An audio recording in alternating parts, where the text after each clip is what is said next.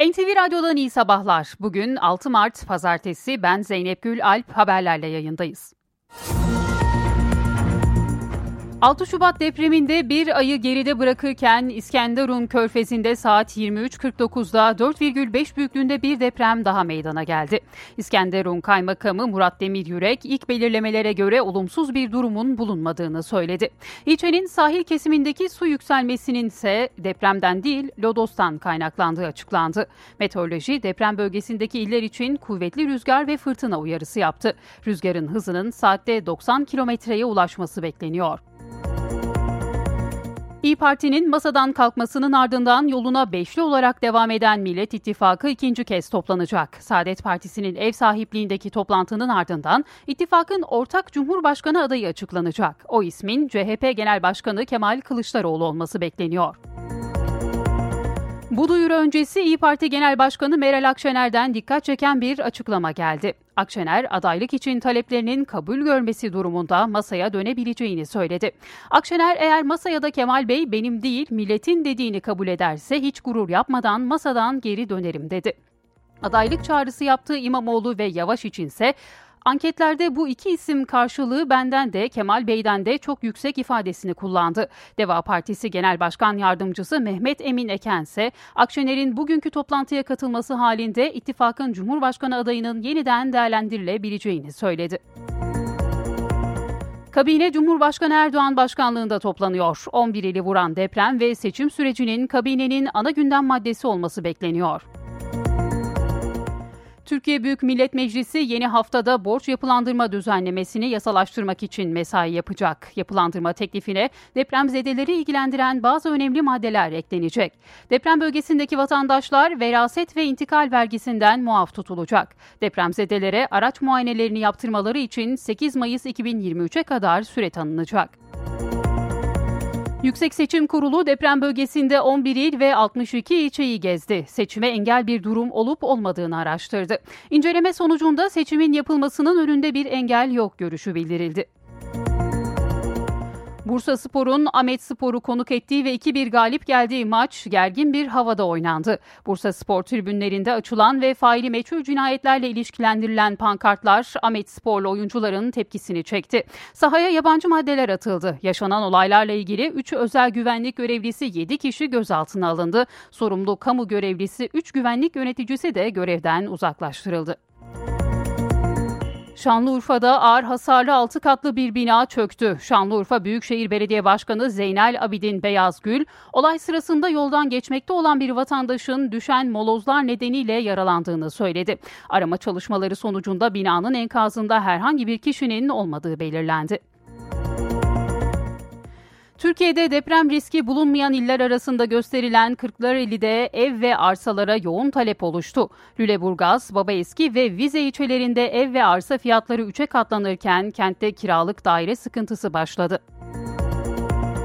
Dünyaca ünlü yıldız Ronaldo, Türkiye ve Suriye'deki depremden etkilenenler için bir uçak dolusu yardım paketi gönderdi. Portekizli yıldız deprem bölgelerine gönderilmek üzere çadır, gıda, battaniye, yatak ve tıbbi malzeme yardımı yaptı. İran'da okullardaki toplu zehirlenme vakalarına yenileri eklendi. Kuzey Horasan, Fars, Rezevi Horasan, İsfahan, İlam ve Huzistan eyaletlerinde onlarca kız öğrencinin daha zehirlendiği açıklandı. Süper Lig'in 24. haftasında Ankara gücünü konuk eden Beşiktaş mücadeleyi 2-1 kazandı. Ligde 3 maç sonra galip gelen siyah beyazlılar puanını 43'e yükseltti. Formula 1'de sezonun ilk yarışı Bahreyn Grand Prix'sini Verstappen kazandı. Ferrari pilotu Charles Leclerc 3. sırada götürdüğü mücadelede aracında yaşadığı sorun nedeniyle yarış dışı kaldı.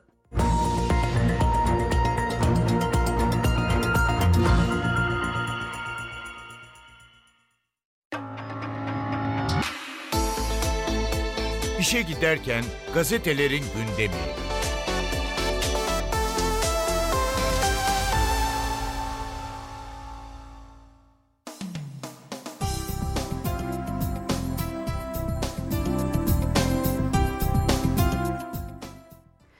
Sabah gazetesiyle başlıyoruz. İşte örnek dönüşüm manşetini görüyoruz. Sabah, Cumhurbaşkanı Erdoğan'ın kentsel dönüşüme örnek gösterdiği Üsküdar'ın iki mahallesini gezdi. Zemin artı dört kattan oluşan binalar modern, konforlu, güvenli ve depreme dayanıklı diyor Sabah gazetesi. Ayrıntılarına bakalım.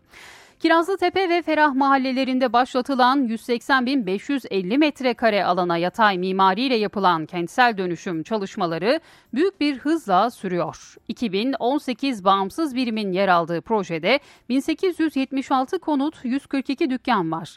Projeyle 24 derslikli okul, aile sağlığı merkezi, muhtarlık, cami ve lojman yapılıyor. Erdoğan'ın kentsel dönüşüme örnek gösterdiği bu iki mahalledeki 504 konuttan oluşan ilk etap sahip sahiplerine teslim edildi. Dönüşüm 2023 sonunda bitecek diyor Sabah gazetesi bugün manşetinde. Bir diğer başlık Ufuk Azmi ile depremzedelere umut oldu. 17 Ağustos depreminde iki bacağını da kaybeden ve spor aşkıyla hayata tutunan Ufuk Koçak depremzedelere umut aşıladı. 1999'da 23 yaşındayken depremin yıktığı Gölcük'teki evlerinin enkazından 3 gün sonra kurtarılan Ufuk Koçak manevi destek için Hatay'a gitti. Serbest dalışta dünya rekortmeni olan Likya yolunu protez bacaklarla yürüyen Koçak kendisi gibi uzuvlarını yitirenlere destek verdi diyor. Sabah gazetesi bugün bu haberi de ilk sayfasına taşıyor. Bir diğer başlıkla devam edelim. SMA değil Özgecan kazandı. İstanbul'da bir evlatlarını SMA'da yitiren Tutuş ailesi SMA hastası 1,5 yaşındaki bebekleri Özgecan için düzenledikleri kampanyada gereken parayı topladı. Özgecan gen tedavisi için Almanya'nın Ulm kentine gidiyor diyor. Bugün sabah gazetesinde yer alıyor bu haberde. Kara Kartal uçmayı hatırladı. Beşiktaş çekişmeli geçen maçta Ankara gücünü mağlup etti. Salih Uçan'ın golüyle Ali Sove karşılık verse de Abu Dakar Kartal'ı 3 puana uçurdu. Siyah beyazlılar 3 karşılaşmanın ardından galip gelmeyi başardı diyor bugün yine Sabah gazetesi. Hürriyet gazetesiyle devam ediyoruz. Vatandaş baskı soruyor diyor bugün Hürriyet gazetesi manşetinde Noyan Doğan imzalı yazısında. Yaşadığımız facianın ardından zorunlu deprem sigortası ile ilgili soru yağmuru var. En yaygın şikayet konusu DASK'ın ödediği veya ödeyeceği tazminat tutarları. İşte akla takılan sorular ve yanıtları diyor Noyan Doğan. Biz de aktaralım.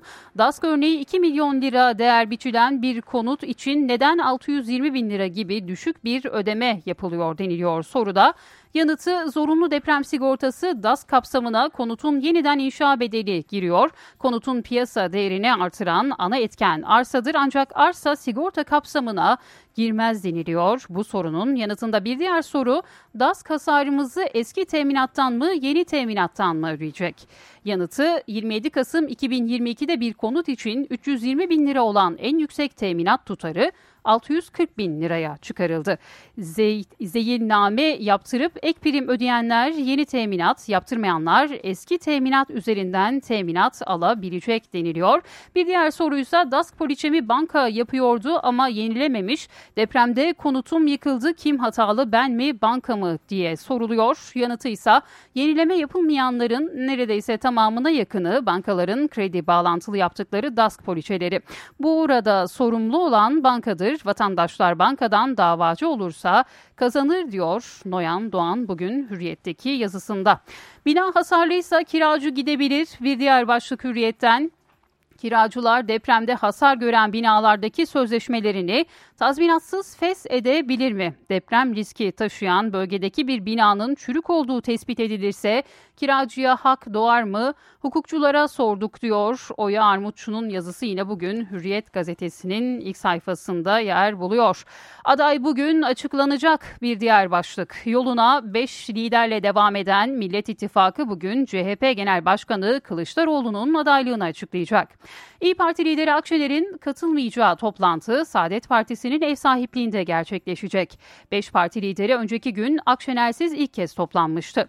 Öte yandan CHP'li Akif Hamza Çebi'nin İyi Parti ile yıllarca beraber yol yürüdük, ayrılık olmamalı paylaşımı da dikkat çekti deniliyor. Bugün yine Hürriyet gazetesinde yer buluyor bu başlıkta. Her binaya rutin muayene bir diğer haber. Alanında uzman isimlerden olası İstanbul depremi için çok farklı önlem önerileri geliyor. Araçlarda olduğu gibi binaların da düzenli olarak muayeneden geçmesi bunlardan biri. Binalar için araçlara benzer bir muayene sistemi getirilmeli. Evler belediyeler eliyle 3 ila 5 yılda bir denetlenebilir. Kente yakın olan tarım alanlarıyla kent içi bostanlar güçlendirilmeli, olası afette gıda krizleri yaşanabilir. Yerel afet gönüllüleri oluşturulmalı, mahallelerde ve semtlerde arama kurtarma eğitimi verilmeli deniliyor. Yine bu başlıkta bugün Hürriyet gazetesinin ilk sayfasında yer buluyor. Fayın üstünde 24 şehir bir diğer haber Jeoloji Mühendisleri Odası Başkanı Hüseyin Alan uyarıyor. Fay üzerinde 24 kent var. Çoğu büyük şehir. Fay yasası getirilmeli. Burada bina yapılamaz denilmeli. Bu yasa imar planlarına işlenmeli diyor Hüseyin Alan'ın bu açıklamaları da yine bugün Hürriyet gazetesinin ilk sayfasında yer buluyor. Beren Hatay'da can suyu verdi. Bir diğer haber Hürriyet gazetesinin ilk sayfasından Beren Kayalı'nın kraliyet bursuyla gittiği İngiltere'de geliştirdiği balon şeklindeki su depoları depremzedelerin imdadına koştu. Geliştirdiği balonları 2020'de kurduğu şirket üzerinden Afrika, Güney Amerika ve Hindistan'a satan Beren Kayalı, Türkiye'de deprem olur olmaz harekete geçti. Facianın 10. gününde günde deprem bölgesine ulaştı ve 7 farklı noktaya 14 tonluk su deposu kurdu. Kayalı deprem bölgesinde yaşadıklarını Hürriyet'e anlattı diyor bugün Hürriyet gazetesinde. Milliyetin manşetinde diri faya yasak var başlığını görüyoruz. TOKİ'nin proje alanlarında MTA uzmanlarınca diri fay hattı bulunup bulunmadığı kontrol edilecek. Fay varsa o sahaya inşaat izni yok deniliyor. Ayrıntısına bakalım. Maden Tetkik ve Arama Kurumu'yla TOKİ yeni bir uygulamayı hayata geçiriyor. Buna göre MTA'ya bağlı deprem ve diri fay hattı uzmanları yeni yerleşim alanlarını belirlemesinde kilit rol oynayacak. MTA uzmanları diri fay hatlarıyla proje sahalarını karşılaştıracak ve bir sahaya olumsuz yanıtını verirse o sahaya asla inşaat izni verilmeyecek. Diri fay haritalaması detaylı arazi gözlemleriyle yapılıyor. Zaman içinde depremin aktivite aktivitelerinin tespit edilmesi sonucunda haritalar güncelleniyor. İkinci kapsamda Japonya ve Amerika'da hem dayanıklılık hem de çevreci özelliğiyle inşaatlarda çimentoyu güçlendirmek için kullanılan, geleceğin betonu ya da yeşil beton olarak adlandırılan perlit kullanılacak deniliyor. Bugün bu konuda yine Milliyet gazetesinin manşetinde yer buluyor. Aday bugün açıklanacak. Yine Milliyet gazetesinin ilk sayfasında da yer buluyor. CHP lideri Kemal Kılıçdaroğlu seçime partisinin başında girecek.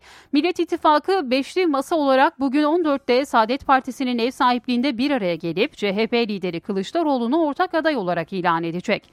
Kılıçdaroğlu'nun seçilene kadar partisinin başında kalması ve genel başkan olarak devam etmesi öngörülüyor ittifak adayın e, kampanyası için bina aramaya başladı. Bu başlıkta yine bugün Milliyet gazetesindeydi.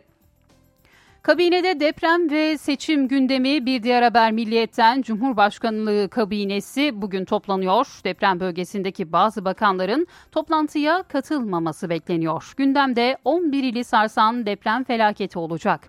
İlgili bakanlar Cumhurbaşkanı Erdoğan'a bir sunum yapacak. Bölgenin yeniden inşası da masaya yatırılacak. Bir diğer gündem maddesi de seçim tarihi ve deprem bölgesinde nasıl gerçekleşeceği olacak. Yine bu başlıkta Milliyet gazetesi gazetesinin ilk sayfasında yer buluyor bugün. Arsemia ve Karakuş tümüslüsü yıkıldı. Adıyaman'da sadece binalar değil 2000 yıllık tarihi mekanlar da zarar gördü. Dünyanın 8. harikası olarak bilinen ve UNESCO tarafından Dünya Kültür Mirası listesinde yer alan devasa tanrı ve kral heykelleri dimdik ayakta kalırken Komagene Krallığı'na ait öğren yerleri Arsemia ve Karakuş tümülüsündeki tarihi eserler şiddetli sarsıntıya dayanamadı. Fotoğrafı da yer buluyor. Bugün e, Milliyet gazetesinin ilk sayfasında. Konteyner var, bilgisi olan yok bir diğer haber. İstanbul'un 39 ilçesinde bulunan deprem afet konteynerları deprem sonrasında arama kurtarma için gerekli ekipmanları ekipmanlarla bekliyor. Ancak bu istasyonların anahtarlarının zimmetlendiği kamu görevlileri dışında afet istasyonunun ne olduğu ya da hangi amaçla kullanılacağı konusunda bilgi sahibi olan kişi sayısı çok az deniliyor Milliyet'te bugün.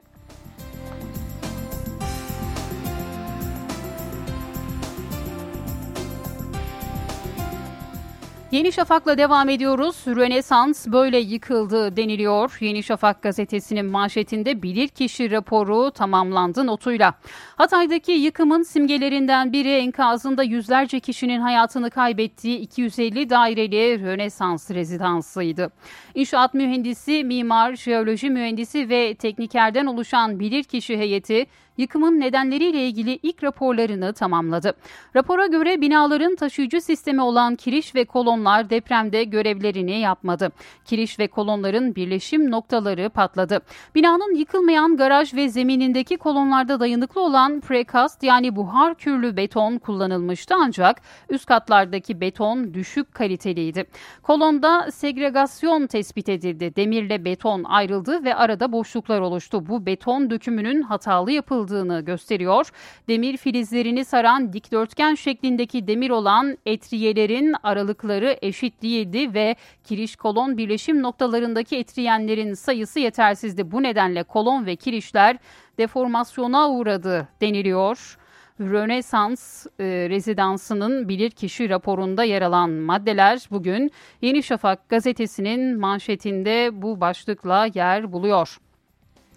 Ağır hasarlı bina çöktü. Bir diğer haber Yeni Şafak gazetesinden Şanlıurfa'da depremde ağır hasar gören 6 katlı bina dün çöktü. Yolda yürürken üzerine moloz düşen bir kişi yaralandı. Boşaltılan binada yapılan arama çalışması sonucu enkaz altında kimsenin olmadığı belirlendi. Binada oturan Salih Fidanoğlu eşyalarımızı ara ara gidip çıkartıyorduk. Bina yıkılmadan 15 dakika önce çıkmıştım dedi. Yine bu haberde Yeni Şafak gazetesinin ilk sayfasında yer aldı. Postanın manşetinde ne gören var ne bilen başlığını görüyoruz. İstanbul'da bir dönem sayıları 2000'i bulan ve şehrin hemen her bölgesine yerleştirilen afet konteynerları, hırsızlık, bakımsızlık gibi nedenlerle zamanla yok olup gitti.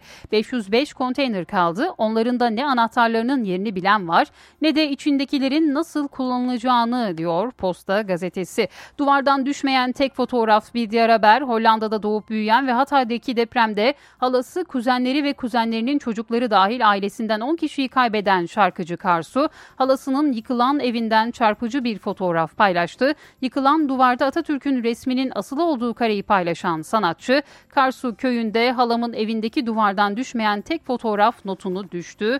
Bu başlıkta Posta Gazetesi'nin ilk sayfasında yer buldu. Cumhuriyet Gazetesi aday açıklanacak diyor ilk sayfasından. İyi Parti Genel Başkanı Akşener'in altılı masadan kalkmasının ardından Millet İttifakı'nın liderleri bugün Saadet Partisi'nin ev sahipliğinde toplanacak. Kemal Kılıçdaroğlu'nun adaylığını ittifakın en yaşlı lideri olduğu gerekçesiyle Temel Karamollaoğlu açıklayacak. Aday tanıtımı ise 10 Mart'tan sonra deniliyor bugün Cumhuriyet Gazetesi'nde. Kısa bir ara vereceğiz sonra haberlerle devam edeceğiz.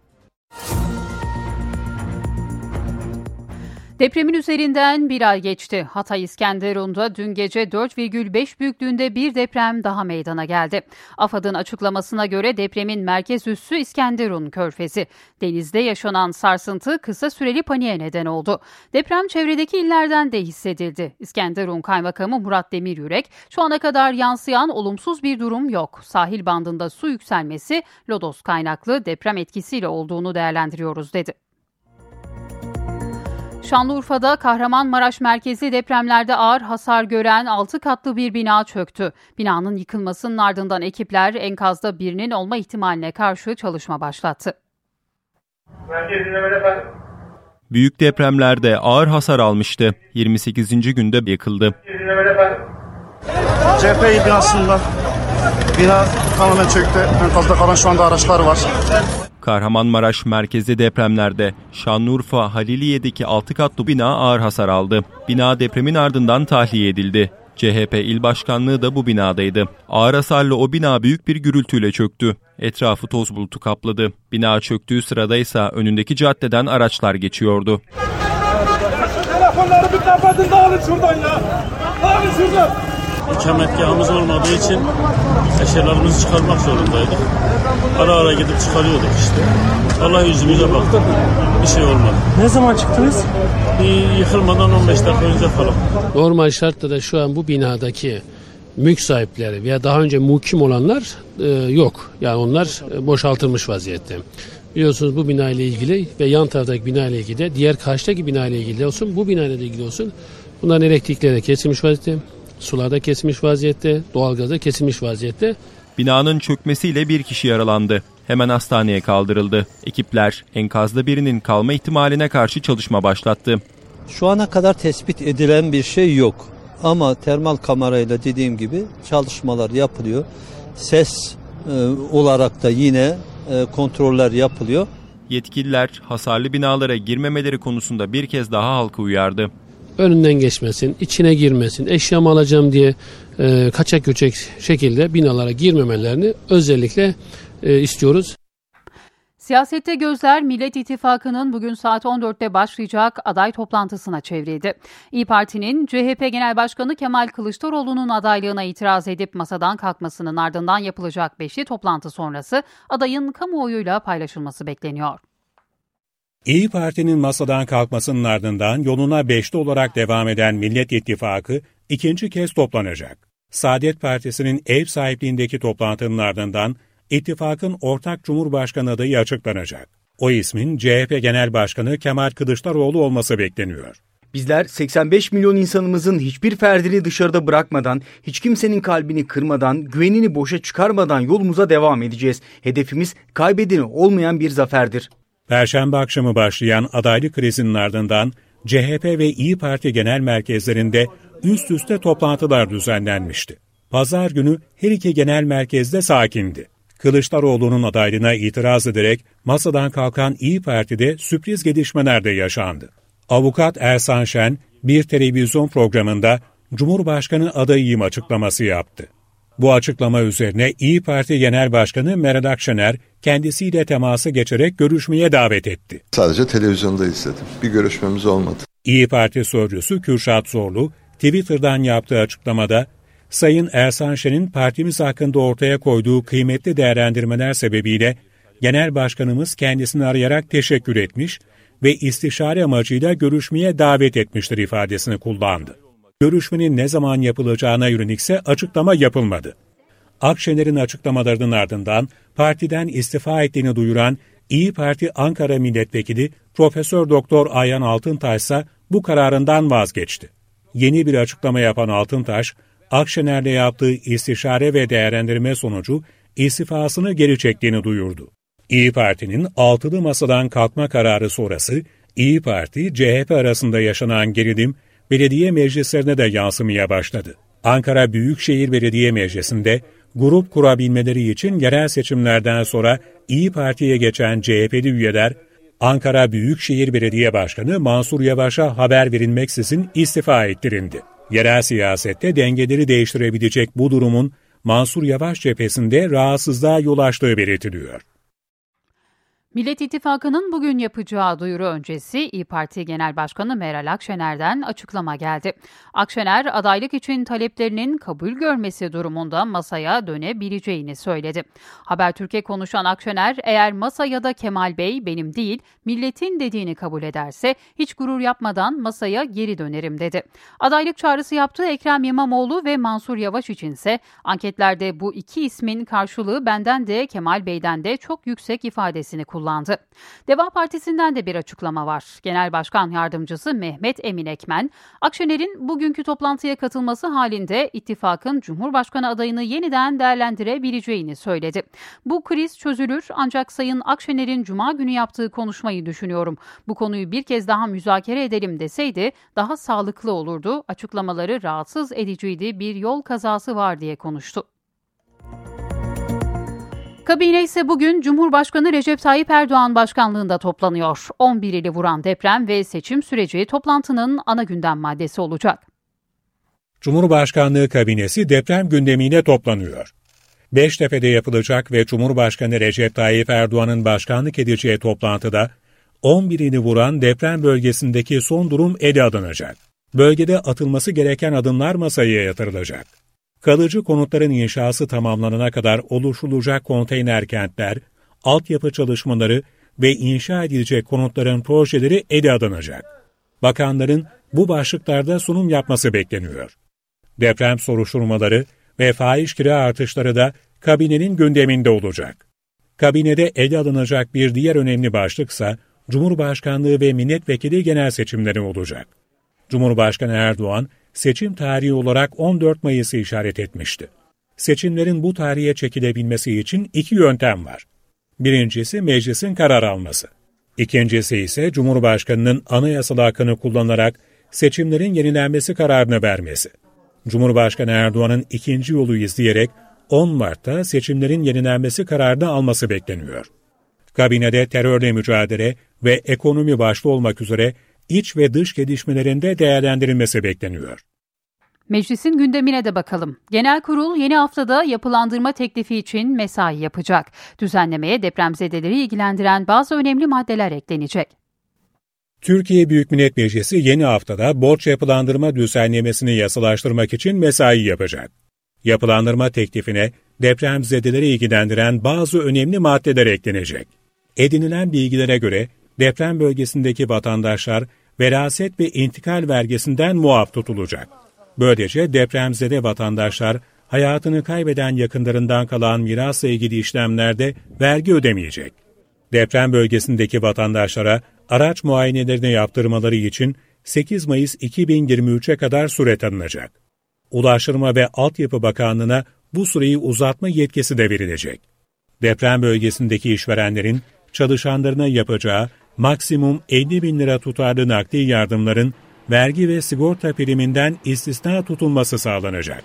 Yasayla devlete olan borçların yapılandırılması için tanınacak başvuru süresi 30 Nisan'dan 31 Mayıs 2023'e uzatılacak. Yapılandırmanın ilk taksit ödemeleri de 31 Mayıs yerine 30 Haziran'da başlayacak.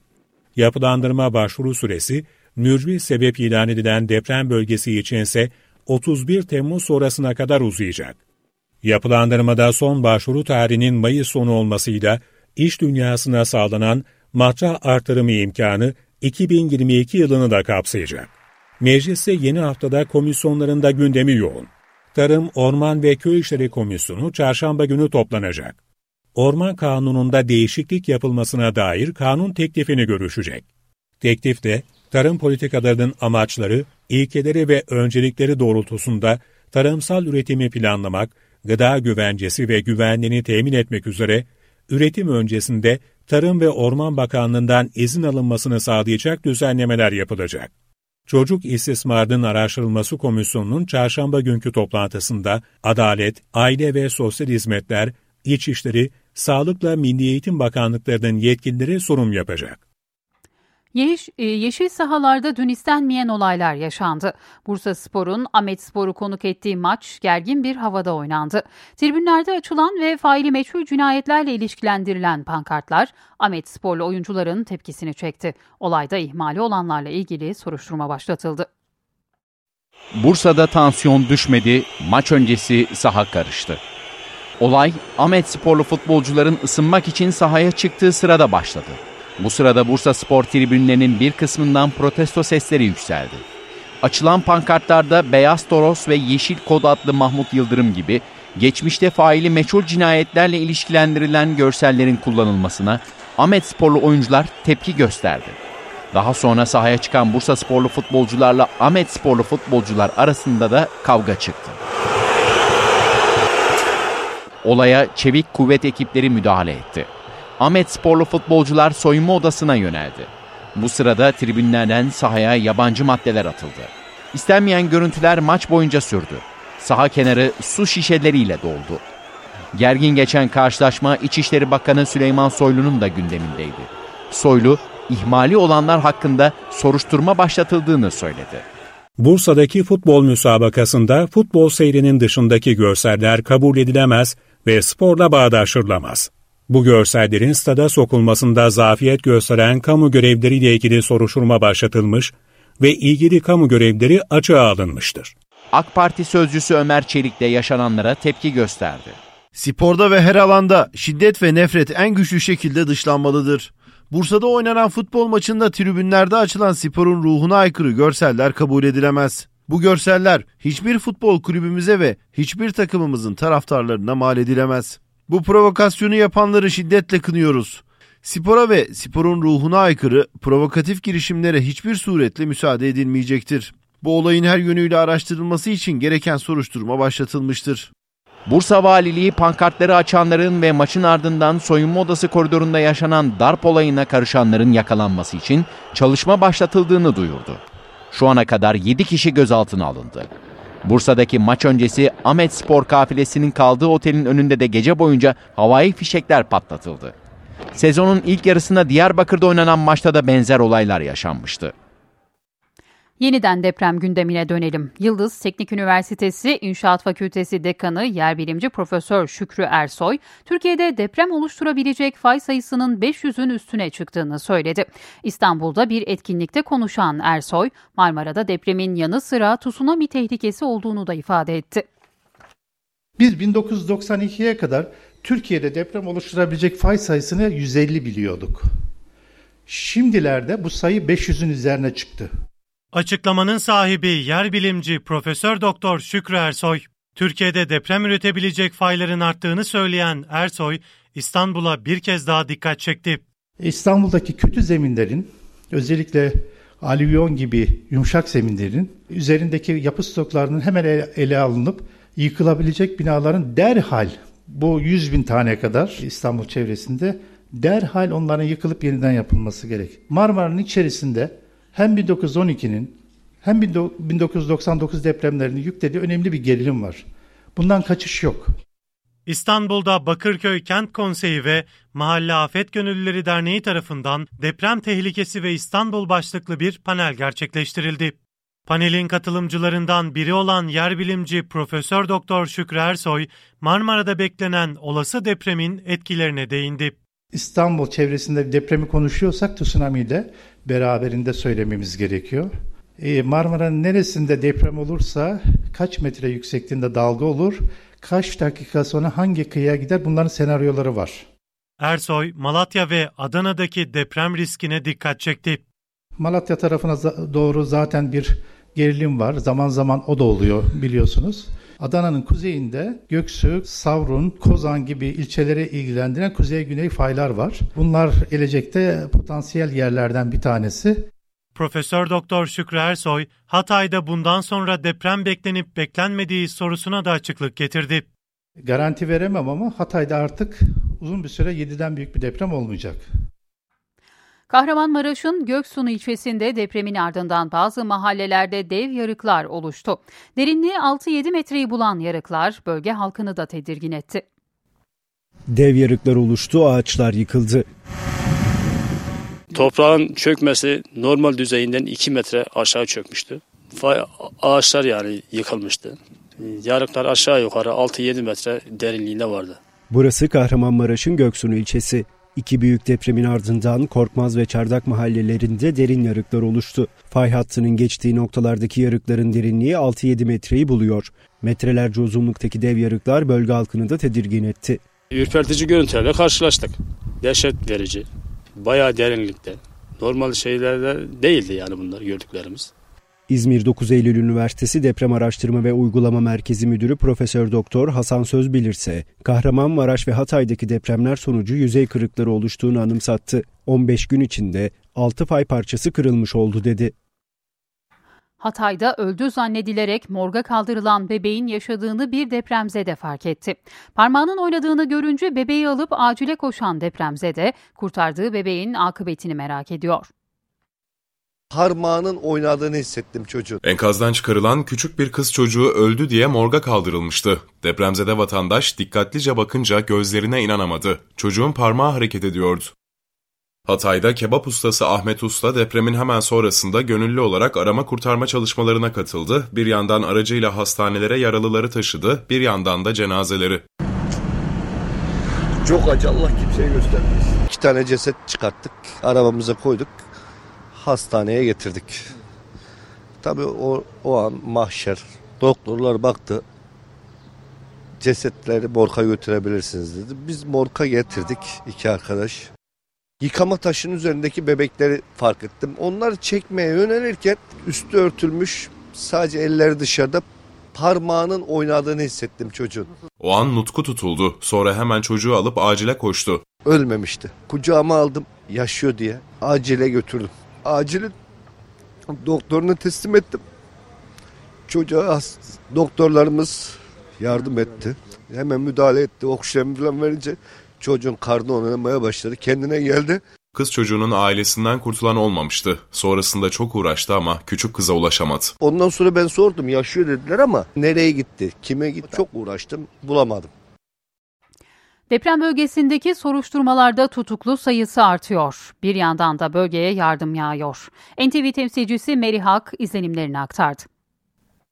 Geceyle birlikte Hatay'da büyük bir sessizlik yaşanmaya başladı. Vatandaşlar çadır kentlere ya da konakladıkları yerlere çekildiler. Bu andan itibaren de özellikle bölgede Hatay'ın sokaklarında hem emniyet güçleri, polisler, bir tarafta askerler, korucular güvenlik önlemleri aldılar ki özellikle enkazlarda hırsızlara yönelik e, şu anda çalışmalar yapılıyor ve bu e, kapsamda da güvenlik önlemlerinin kent genelinde büyük oranda e, arttırıldığını dile getirebiliriz. Zaman zaman Yunus ekipleri kentin çeşitli noktalarında sirenler çalarak dolaşıyorlar. Bunu belirtelim. Özellikle hukuki sürecin devam ettiğini vurgulamakta yarar var ve bu kapsamda 247 kişi tutuklandı tutuklanma gerekçeleri yıkılan bina, binalarla ilgili ya da binalarda imara aykırı düzenleme yapmaları. İşte bu kapsamda 247 kişi e, tutuklandı ve cezaevine gönderildi. 322 kişinin adli e, kontrolle serbest bırakıldığını e, belirtelim ve yine bu kapsamda 198 kişi hakkında da yakalama kararı çıkartılmış durumda. Özellikle bu bölgede son 4-5 gündür bir konu var. Su. İçme suyuyla ilgili ciddi sıkıntılar yaşandığı öne sürülmüş. Sosyal medyada da özellikle bu konuya geniş yer verilmiş ve çok büyük tepkiler oluşmuştu.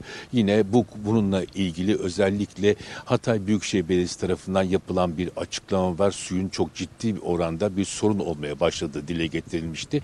İşte bugün bu konunun muhataplarından bir tanesiyle görüştük. koordinatör vali e, ki lojistikten sorumlu koordinatör vali e, Okay Memiş'e bunu sorduk. Okay Memiş e, herhangi bir sorunun aslında yaşanmadığını belirtti. E, dün sadece dün 1 milyon 250 bin şişe suyun dağıtıldığını vurguladı. Ancak burada şunu vurgulamamızda yarar var. Özellikle şehir e, şebeke suyunda e, da e, problem e, olduğunu biliyoruz ve bu kapsamda da bununla ilgili yakınmalarında e, büyük boyutlarda olduğunu e, biliyoruz ki yardımların da azalmasıyla birlikte kente su e, gelişi de azaldı. Şişe suyu, içme suyu gelişinin de azaldığını belirtelim. Özellikle bu su olayının gündeme gelmesiyle birlikte başta İzmir, İstanbul, Ankara, Bursa Büyükşehir Belediyeleri olmak üzere tırlar dolusu suyun kente geldiğini belirtelim. Peki kentte neler yapılıyor? Biraz da ondan bahsetmekte yarar var. Her şeyden önce hasar tespit çalışmalarının devam ettiğini belirtelim. E, bu konuda uzmanlar bina bina dolaşarak hasar tespiti yapılıyor. E, binaların durumu gözden geçiriliyor. Yıkılacak mı, ağır hasarlı mı, orta hasarlı mı ya da hasarsız mı e, bunlar belirleniyor. Bir diğer e, çalışma ise enkazların kaldırılması ki bu enkazların kaldırılmasından önce de başta Cumhuriyet Savcılarının gözetiminde bilir kişilerle birlikte e, numuneler alınıyor. Hangi apartmandan, binadan alındığı e, not olarak e, düşülüyor ve bununla birlikte de özellikle yargılama sürecinde bunların delil olarak kullanılacağını belirtebiliriz.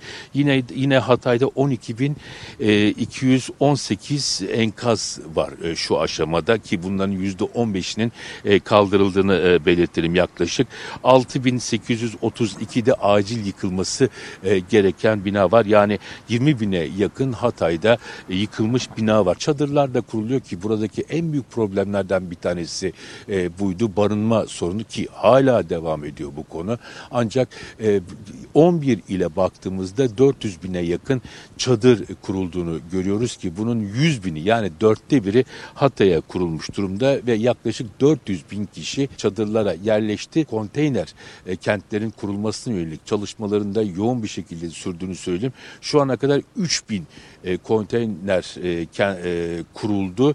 Bunun 29 bine tamamlanması ilk aşamada bekleniyor ki bununla ilgili çalışmalarında sürdüğü bize gelen bilgiler arasında yetkililerle görüştüğümüzde özellikle kurumsal şirketler bazında yardımlar gönderenlerin bunu zamana yayması konusunda talepler var. Bu arada da yine burada oluşturulan depolarda bu gelen yardımlar toplanıyor ve artık AFAD kontrolünde yardımın dağıtılmaya başladığını belirtebiliriz. Su konusu bölgede ciddi bir problemdi. Evet anladığımız kadarıyla 2-3 günlük bir süreç içerisinde su ile ilgili bir problemin yaşandığını e, gözlemledik. Ancak bu saatten itibaren de e, su ile ilgili ki çok sayıda e, içme suyu bölgeye gönderildi. Şu an için bu sorunun ortadan kalktığını dile getirebiliriz.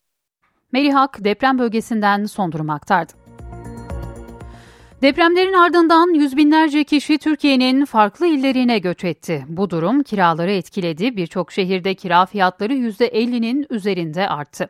Emlak Acenteleri Kooperatifi Yönetim Kurulu Başkanı Ulvi Özcan, kısa ve uzun vadede bu durumun neden olacağı sorunlara dikkat çekti, çözüm önerilerini paylaştı. Deprem bölgesinden Konya, Mersin ve Ankara'ya göçlerin çok olduğunu görmekteyiz. Zaman zaman İstanbul'da da göç e, var ancak İstanbul'da biraz daha maddi durumu iyi olanlar e, müstakil ev ve sağlam bölgelerde arayış içinde olduklarını gözlemliyoruz. Kiralık piyasası satılığa göre biraz daha fazla etkilendi. Çünkü Zaten uzun zamandır kiralıkta sıkıntılar vardı ve ben bu sıkıntının TOKİ'nin anahtar teslimi yapıldıktan sonra çözülebileceğini düşünüyorum.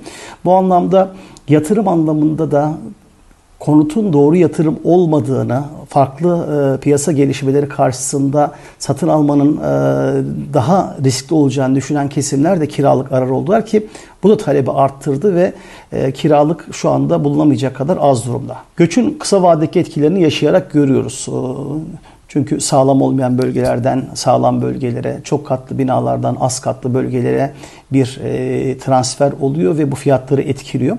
Ama uzun vade dediğimiz zaman e, ülkenin genel konut politikasında belirleyici olan bir sürü faktörle birlikte deprem de üst sıralarda bir yer almalı.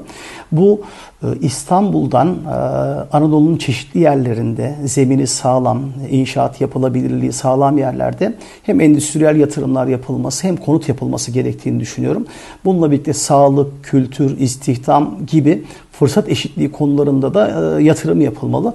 İlginç bir örnek vereceğim. Almanya'nın en büyük kenti Berlin'de nüfus 3,5 milyon. Beşinci büyük kenti Frankfurt'ta 800 bin.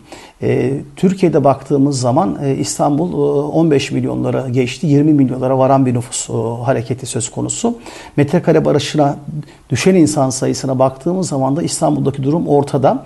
Dolayısıyla bizim uzun vadeli e, planı bir an önce harekete geçirmemiz gerektiğini düşünüyorum. İstanbul zaten bir buçuk iki yıldır e, bu konut fiyatları konusunda kriz noktasında sıkıntılı bir durumdaydı.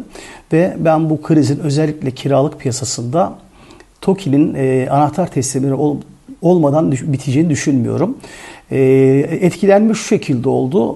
Marmara Denizi kıyısında olan yerleşim yerlerinden kuzeye çok katlı binalardan müstakillere ve deprem öncesi yapılmış binalardan daha yeni binalara şeklinde e, oldu diye genel bir değerlendirme yapabiliriz. Burada semt ismi verecek olursak e, Tuzla'dan, Kadıköy'den, Kartal'dan, Maltepe'den e, kuzeye e, işte Sancaktepe'ye, Şile'ye, Boğaz'a veya öbür tarafta da Zeytinburnu'ndan, Bakırköy'den, e, avcılardan, Beylikdüzü'nden e, daha iç kısımlara bir göç olduğunu öğrenmekteyiz ve yaşamaktayız. Ev arayanlara tavsiyem acele edip de çeşitli spekülatörlerin bezirgen başlarının tuzağına düşmemeleridir. Bu noktalarda mişli mışlı ifadelerden çok bilim insanların dinlenmesi, raporlara itibar edilmesi gerektiğini düşünüyorum. Bu konuda titizlik gösterebildikleri takdirde zararları daha az olacaktır. Hatay'da esnaf sağlam olan dükkanların kepengini açtı. Veresiye usulü satış yapmaya başladı. Kurtarılan malların bir kısmı da depremzedelere dağıtılıyor. Valla gördüğünüz gibi ben borçla ben şimdiye kadar 400 milyarlık borca dağıttım depremde.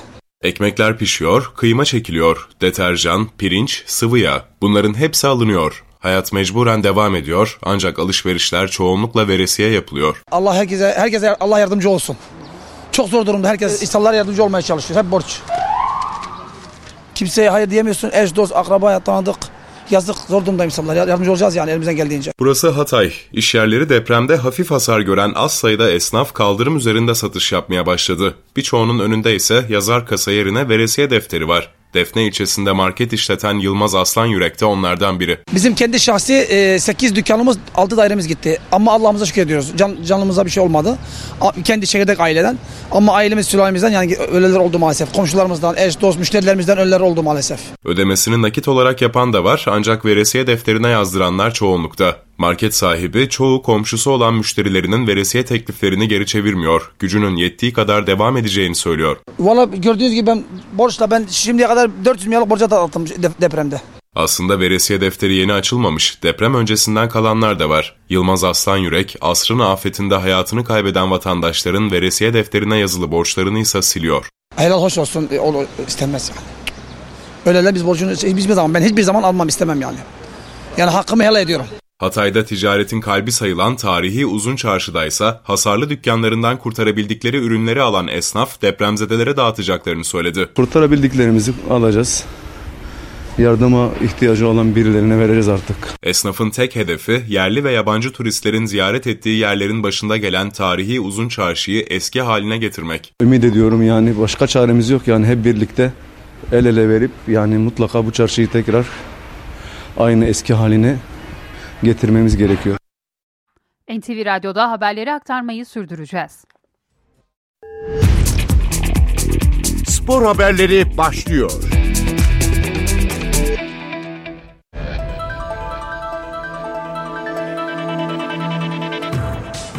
Türkiye Futbol Federasyonu 2. Lig mücadelesi Bursa Spor Amespor karşılaşması gergin bir ortamda oynandı. Karşılaşma öncesinde başlayan olaylar 90 dakika boyunca sürdü. Olay Ahmet Sporlu futbolcuların ısınmak için sahaya çıktığı sırada başladı. Tribünlerde açılan bazı pankartlara konuk ekibin futbolcuları tepki gösterdi.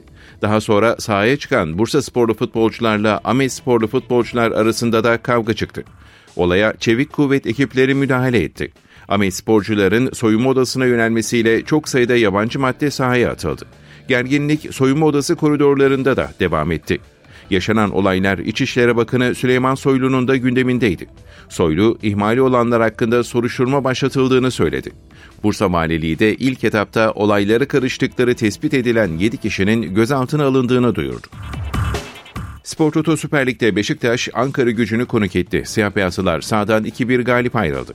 Vodafone Park'ta oynanan maçta Beşiktaş 40. dakikada Salih Uçar'ın attığı golle devreyi 1-0 önde kapattı.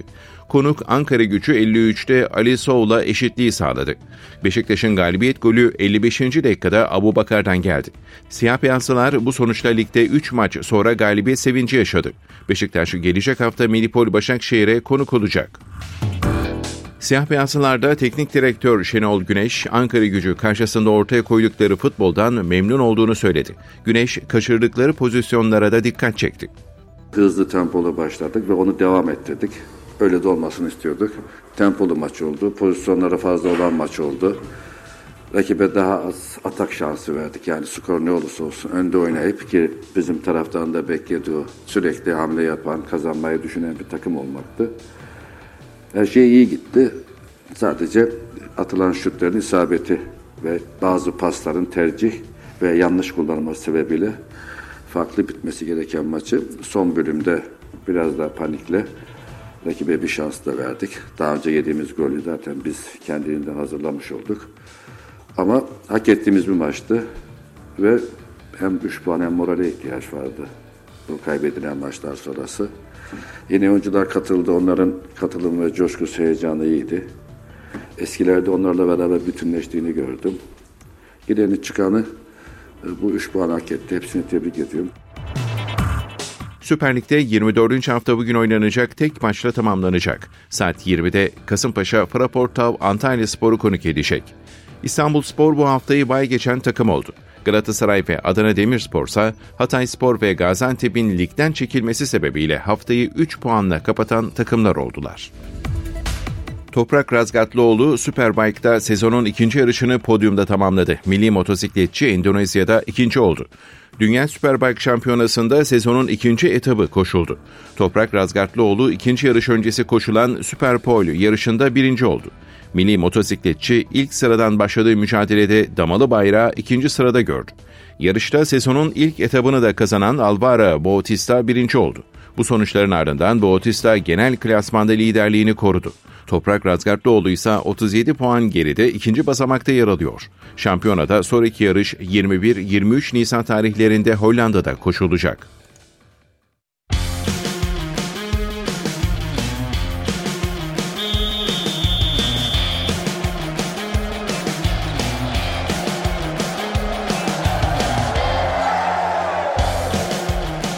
NTV Radyo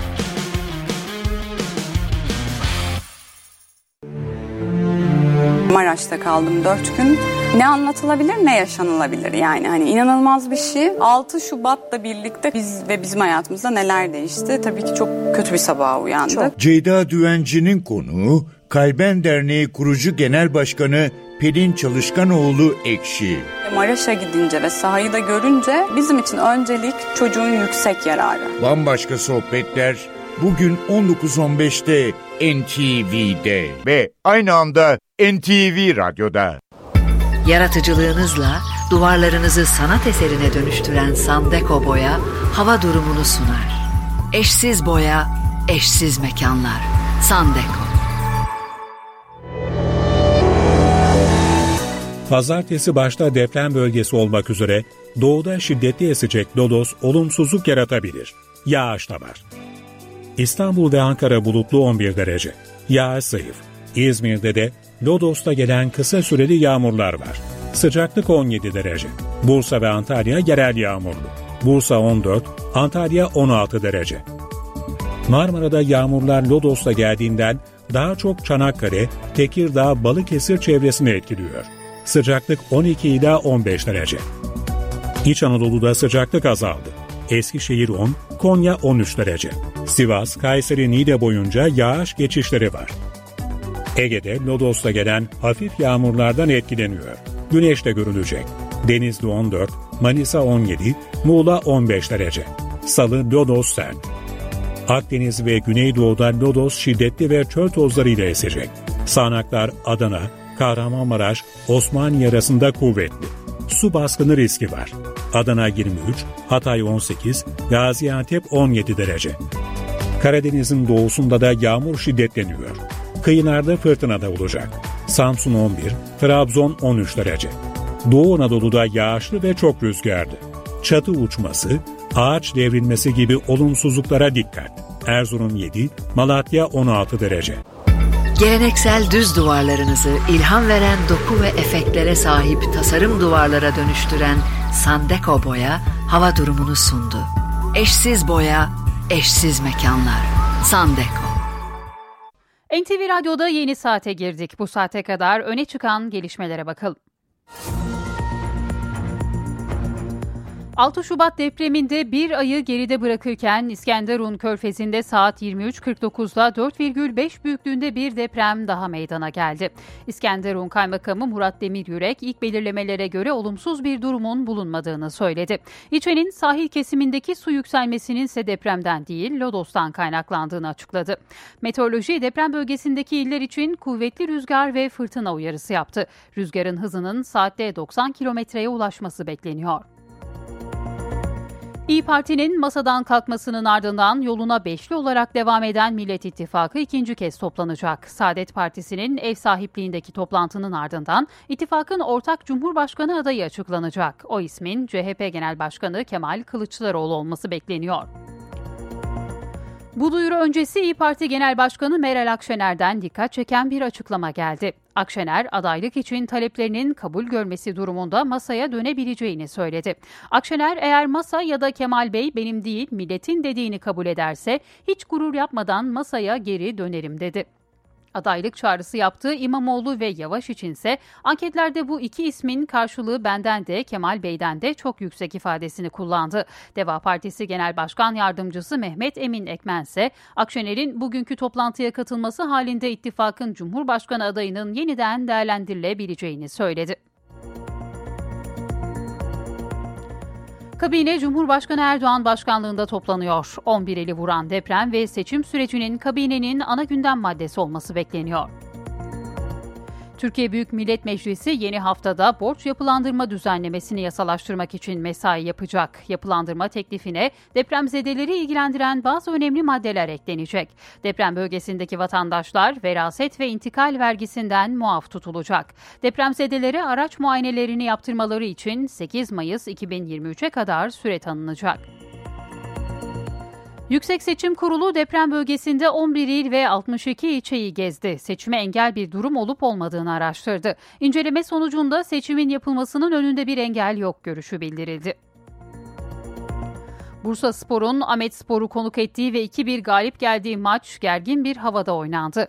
Bursa Spor tribünlerinde açılan ve faili meçhul cinayetlerle ilişkilendirilen pankartlar Ahmet Sporlu oyuncuların tepkisini çekti. Sahaya yabancı maddeler atıldı. Yaşanan olaylarla ilgili 3 özel güvenlik görevlisi 7 kişi gözaltına alındı. Sorumlu kamu görevlisi 3 güvenlik yöneticisi de görevden uzaklaştırıldı.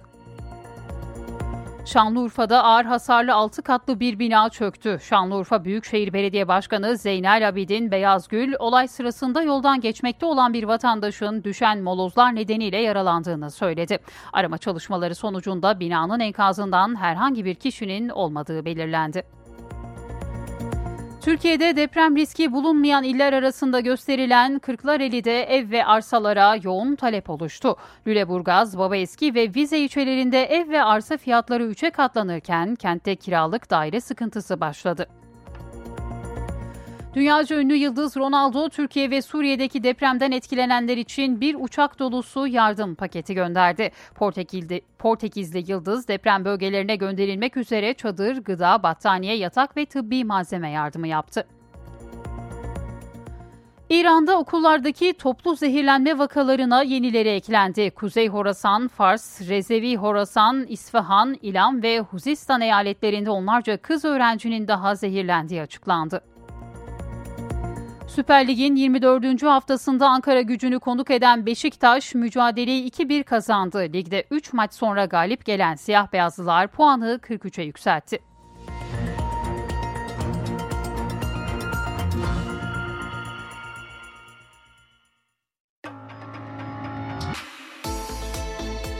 İşe giderken gazetelerin gündemi.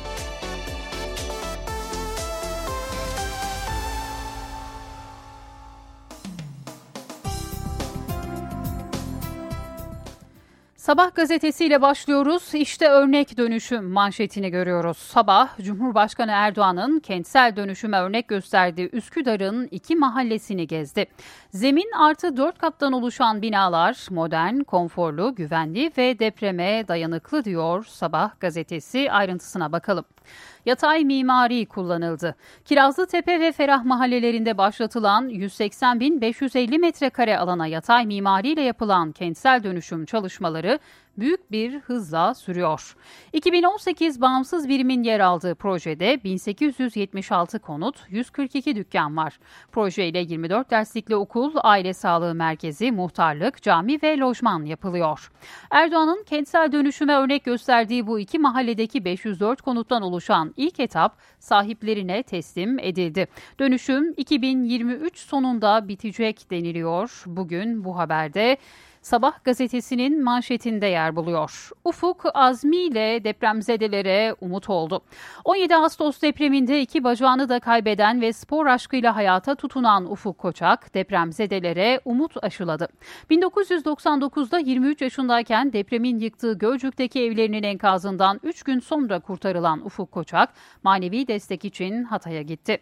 Serbest dalışta dünya rekortmeni olan Likya yolunu protez bacaklarla yürüyen Koçak kendisi gibi uzuvlarını yitirenlere destek verdi diyor Sabah gazetesi bugün. En kalpten hediyeler yüzleri güldürdü bir diğer başlık sabahtan. Beşiktaş Antalya Spor maçında tribünlerden atılan binlerce oyuncak Hatay'da çadır kentlerde dağıtıldı.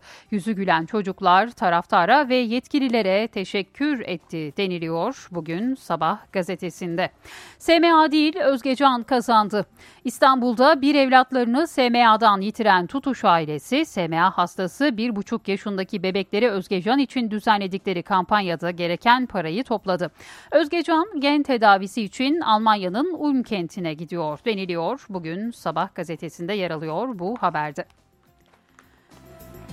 Hürriyetle devam ediyoruz. Vatandaş DASK'ı soruyor manşetini görüyoruz. Yaşadığımız facianın ardından zorunlu deprem sigortası ile ilgili soru yağmuru var.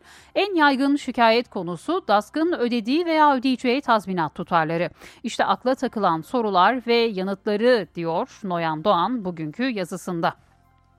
İlk soru DASK örneğin 2 milyon lira değer biçilen bir konut için neden 620 bin lira gibi düşük bir ödeme yapıyor? Yanıtı zorunlu deprem sigortası DASK kapsamına konutun yeniden inşa bedeli giriyor.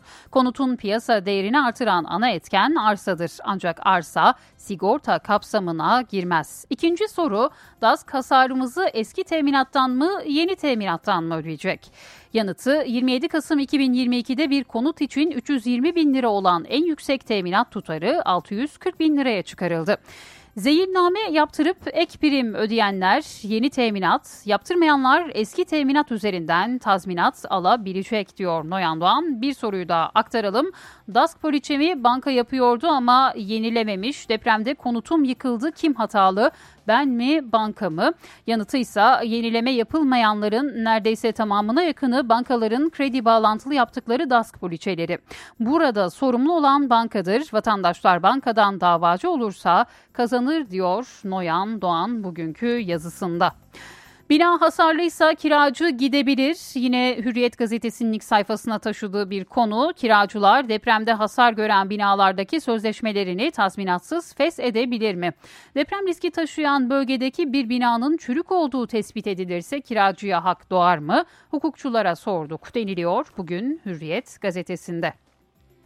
Aday bugün açıklanacak yine Hürriyet'in bir diğer başlığı yoluna 5 liderle devam eden Millet İttifakı bugün CHP Genel Başkanı Kılıçdaroğlu'nun adaylığını açıklayacak. İyi Parti lideri Akşener'in katılmayacağı toplantı Saadet Partisi'nin ev sahipliğinde gerçekleşecek. 5 parti lideri önceki gün Akşener'siz ilk kez toplanmıştı. Öte yandan CHP'li Akif Hamza Çebi'nin İyi Parti ile yıllarca beraber yol yürüdük, ayrılık olmamalı paylaşımı da dikkat çekti deniliyor yine Hürriyet gazetesinde. Her binaya binaya rutin muayene bir diğer haber Hürriyet'ten. Alanında uzman isimlerden olası İstanbul depremi için çok farklı önlem önerileri geliyor. Araçlarda olduğu gibi binaların da düzenli olarak muayeneden geçmesi bunlardan biri. Binalar için araçlara benzer bir muayene sistemi getirilmeli. Evler, belediyeler eliyle 3 ila 5 yılda bir denetlenebilir. Kente yakın olan tarım alanlarıyla kent, kent içi bostanlar güçlendirilmeli. Olası afette gıda krizleri yaşanabilir deniliyor. Bugün yine bu haberde Hürriyet gazetesinin ilk sayfasında yer buluyor. Fayın üstünde 24 şehir bir diğer başlık. Jeoloji Mühendisleri Odası Başkanı Hüseyin Alan uyarıyor. Fay üzerinde 24 kent var. Çoğu büyük şehir. Fay yasası getirilmeli. Burada bina yapılamaz denilmeli. Bu yasa imar planlarına işlenmeli diyor Hüseyin Alan'ın bu sözleri de yine bugün Hürriyet gazetesinin ilk sayfasında yer buluyor. Beren Hatay'a can suyu verdi yine Hürriyet'in bir diğer başlığı. Beren Kayalı'nın kraliyet bursuyla gittiği İngiltere'de geliştirdiği geliştirdiği balon şeklindeki su depoları depremzedelerin imdadına koştu. Bu başlıkta bugün yine Hürriyet'in ilk sayfasında yer buldu.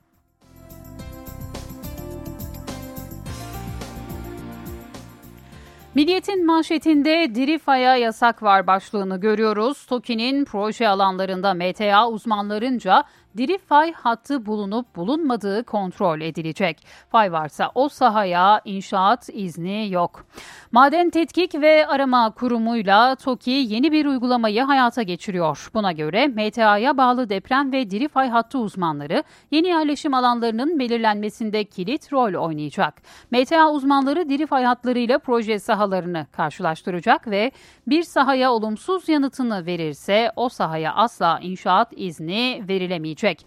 Dirifay haritalaması detaylı arazi gözlemleriyle yapılıyor. Zaman içinde depremin aktivitelerinin tespit edilmesi sonucunda haritalar güncelleniyor. İkinci kapsamda Japonya ve Amerika'da dayanıklılık hem dayanıklılık hem de çevreci özelliğiyle inşaatlarda çimentoyu güçlendirmek için kullanılan geleceğin betonu ya da yeşil beton olarak adlandırılan perlit kullanılacak deniliyor. Bugün Milliyet gazetesi de bu konuyu manşetine taşıyor. Bir diğer başlık Milliyet'ten aday bugün açıklanacak. CHP lideri Kemal Kılıçdaroğlu seçime partisinin başında girecek deniliyor. Bugün yine Milliyet gazetesinde. Kabinede deprem ve seçim gündemi bir diğer haber. Cumhurbaşkanlığı kabinesi bugün toplanıyor. Deprem bölgesindeki bazı bakanların toplantıya katılmaması bekleniyor. Gündemde 11 ili sarsan deprem felaketi olacak.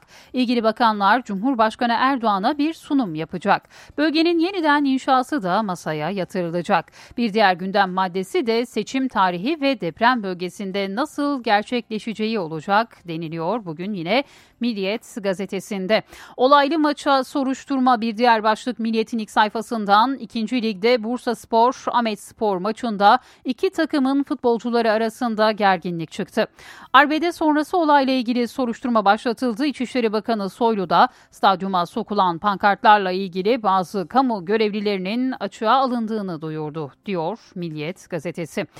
Arsemia ve Karakuş tümürüsü yıkıldı. Yine Milliyet'in bir diğer başlığı Adıyaman'da sadece binalar değil 2000 yıllık tarihi mekanlar da zarar gördü.